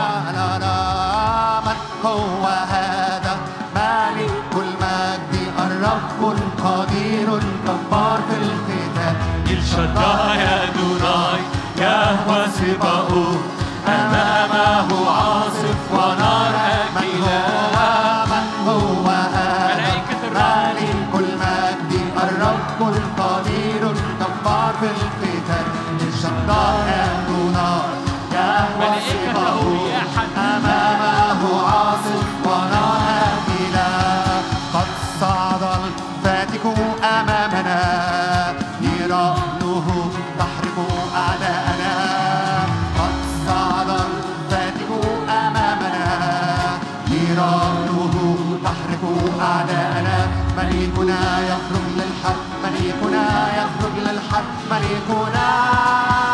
علي على كل الأرض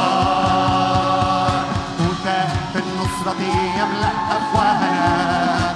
سياح الكسرة بين أعدائنا. في النصرة يملأ أفواهنا. سياح الكسرة بين أعدائنا. أسوارهم تسقط للأرض. أسوارهم تسقط للأرض. تسقط. ونشهد قد صعد الرب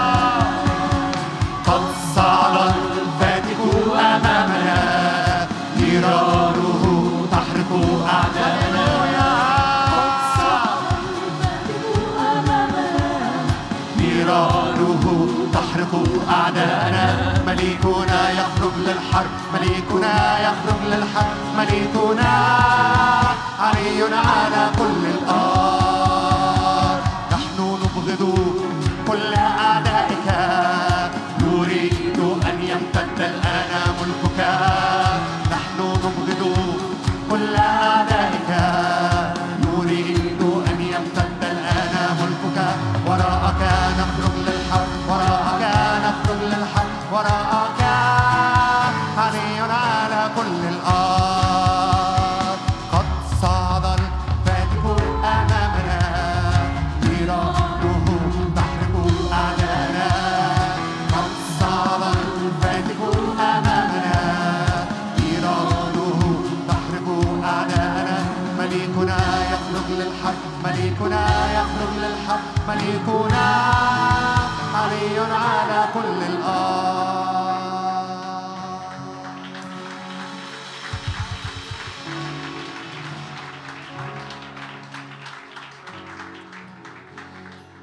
أبويا السماء من أجل كل ما صنعته في هذا الاجتماع أشكرك من أجل كل ما ستصنعه هذا المساء وبكرة. أشكرك من أجل يخرجون من الباب. يخرجون من الباب. يخرجون من الباب. أشكرك من أجل خروجنا من بوابات هذه الأزمنة. وصعود. يخرجون ويصعدون. ينضمون إلى أعدائنا يحاربون ويصعدون من الأرض. هللويا. ما أمجد هذه الآية. ما أمجد هذه الآية. إذا حدثت حرب يقول رئيس العالم رئيس العالم إذا حدثت حرب ينضمون إلى أعدائنا. فاكرين كان في تلتين وسقط تلت. هللويا. من الملائكة بقى الشياطين هللويا. ينضمون إلى أعدائنا ينضمون إلى المعسكر الآخر. لنا معسكر لنا معسكر مع الملائكة لنا معسكر آخر. هللويا. إذا حدثت حرب ينضمون إلى أعدائنا ويحاربوننا ويصعدون عن الأرض. هللويا. ارفع إيدك واعلن. نعم باسم الرب يسوع باسم الرب يسوع. هللويا. هللويا. هللويا هللويا عال هو على كل الشعوب يحمدون اسمه العظيم والمهول تتزلزل الأرض الرب مهول. هللويا عال هو على كل الشعوب يصعدون عن الأرض. يحمدون اسمه العظيم والمهول تتزلزل الأرض الرب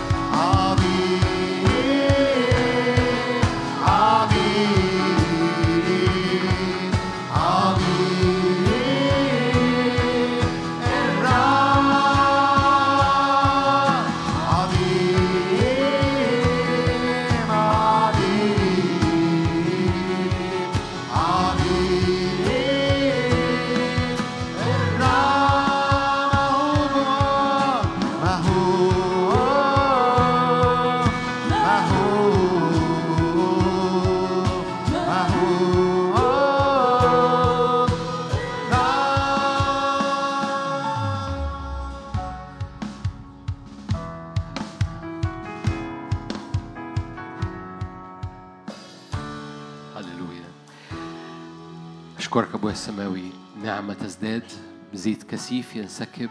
غطي هذا ال break بحضورك بروحك وبقوتك وبمسحتك لكي نستمر معا في الارتفاع في المقاصد الإلهية لهذا الزمن على حياة كل واحد واحدة فينا. محبة الله الآب نعمة يسوع شركة الروح القدس تكون معكم تدوم فيكم من الآن والأبد. آمين. ربنا معكم. هناخد break قصير. الساعة ستة. ستة ماكسيمم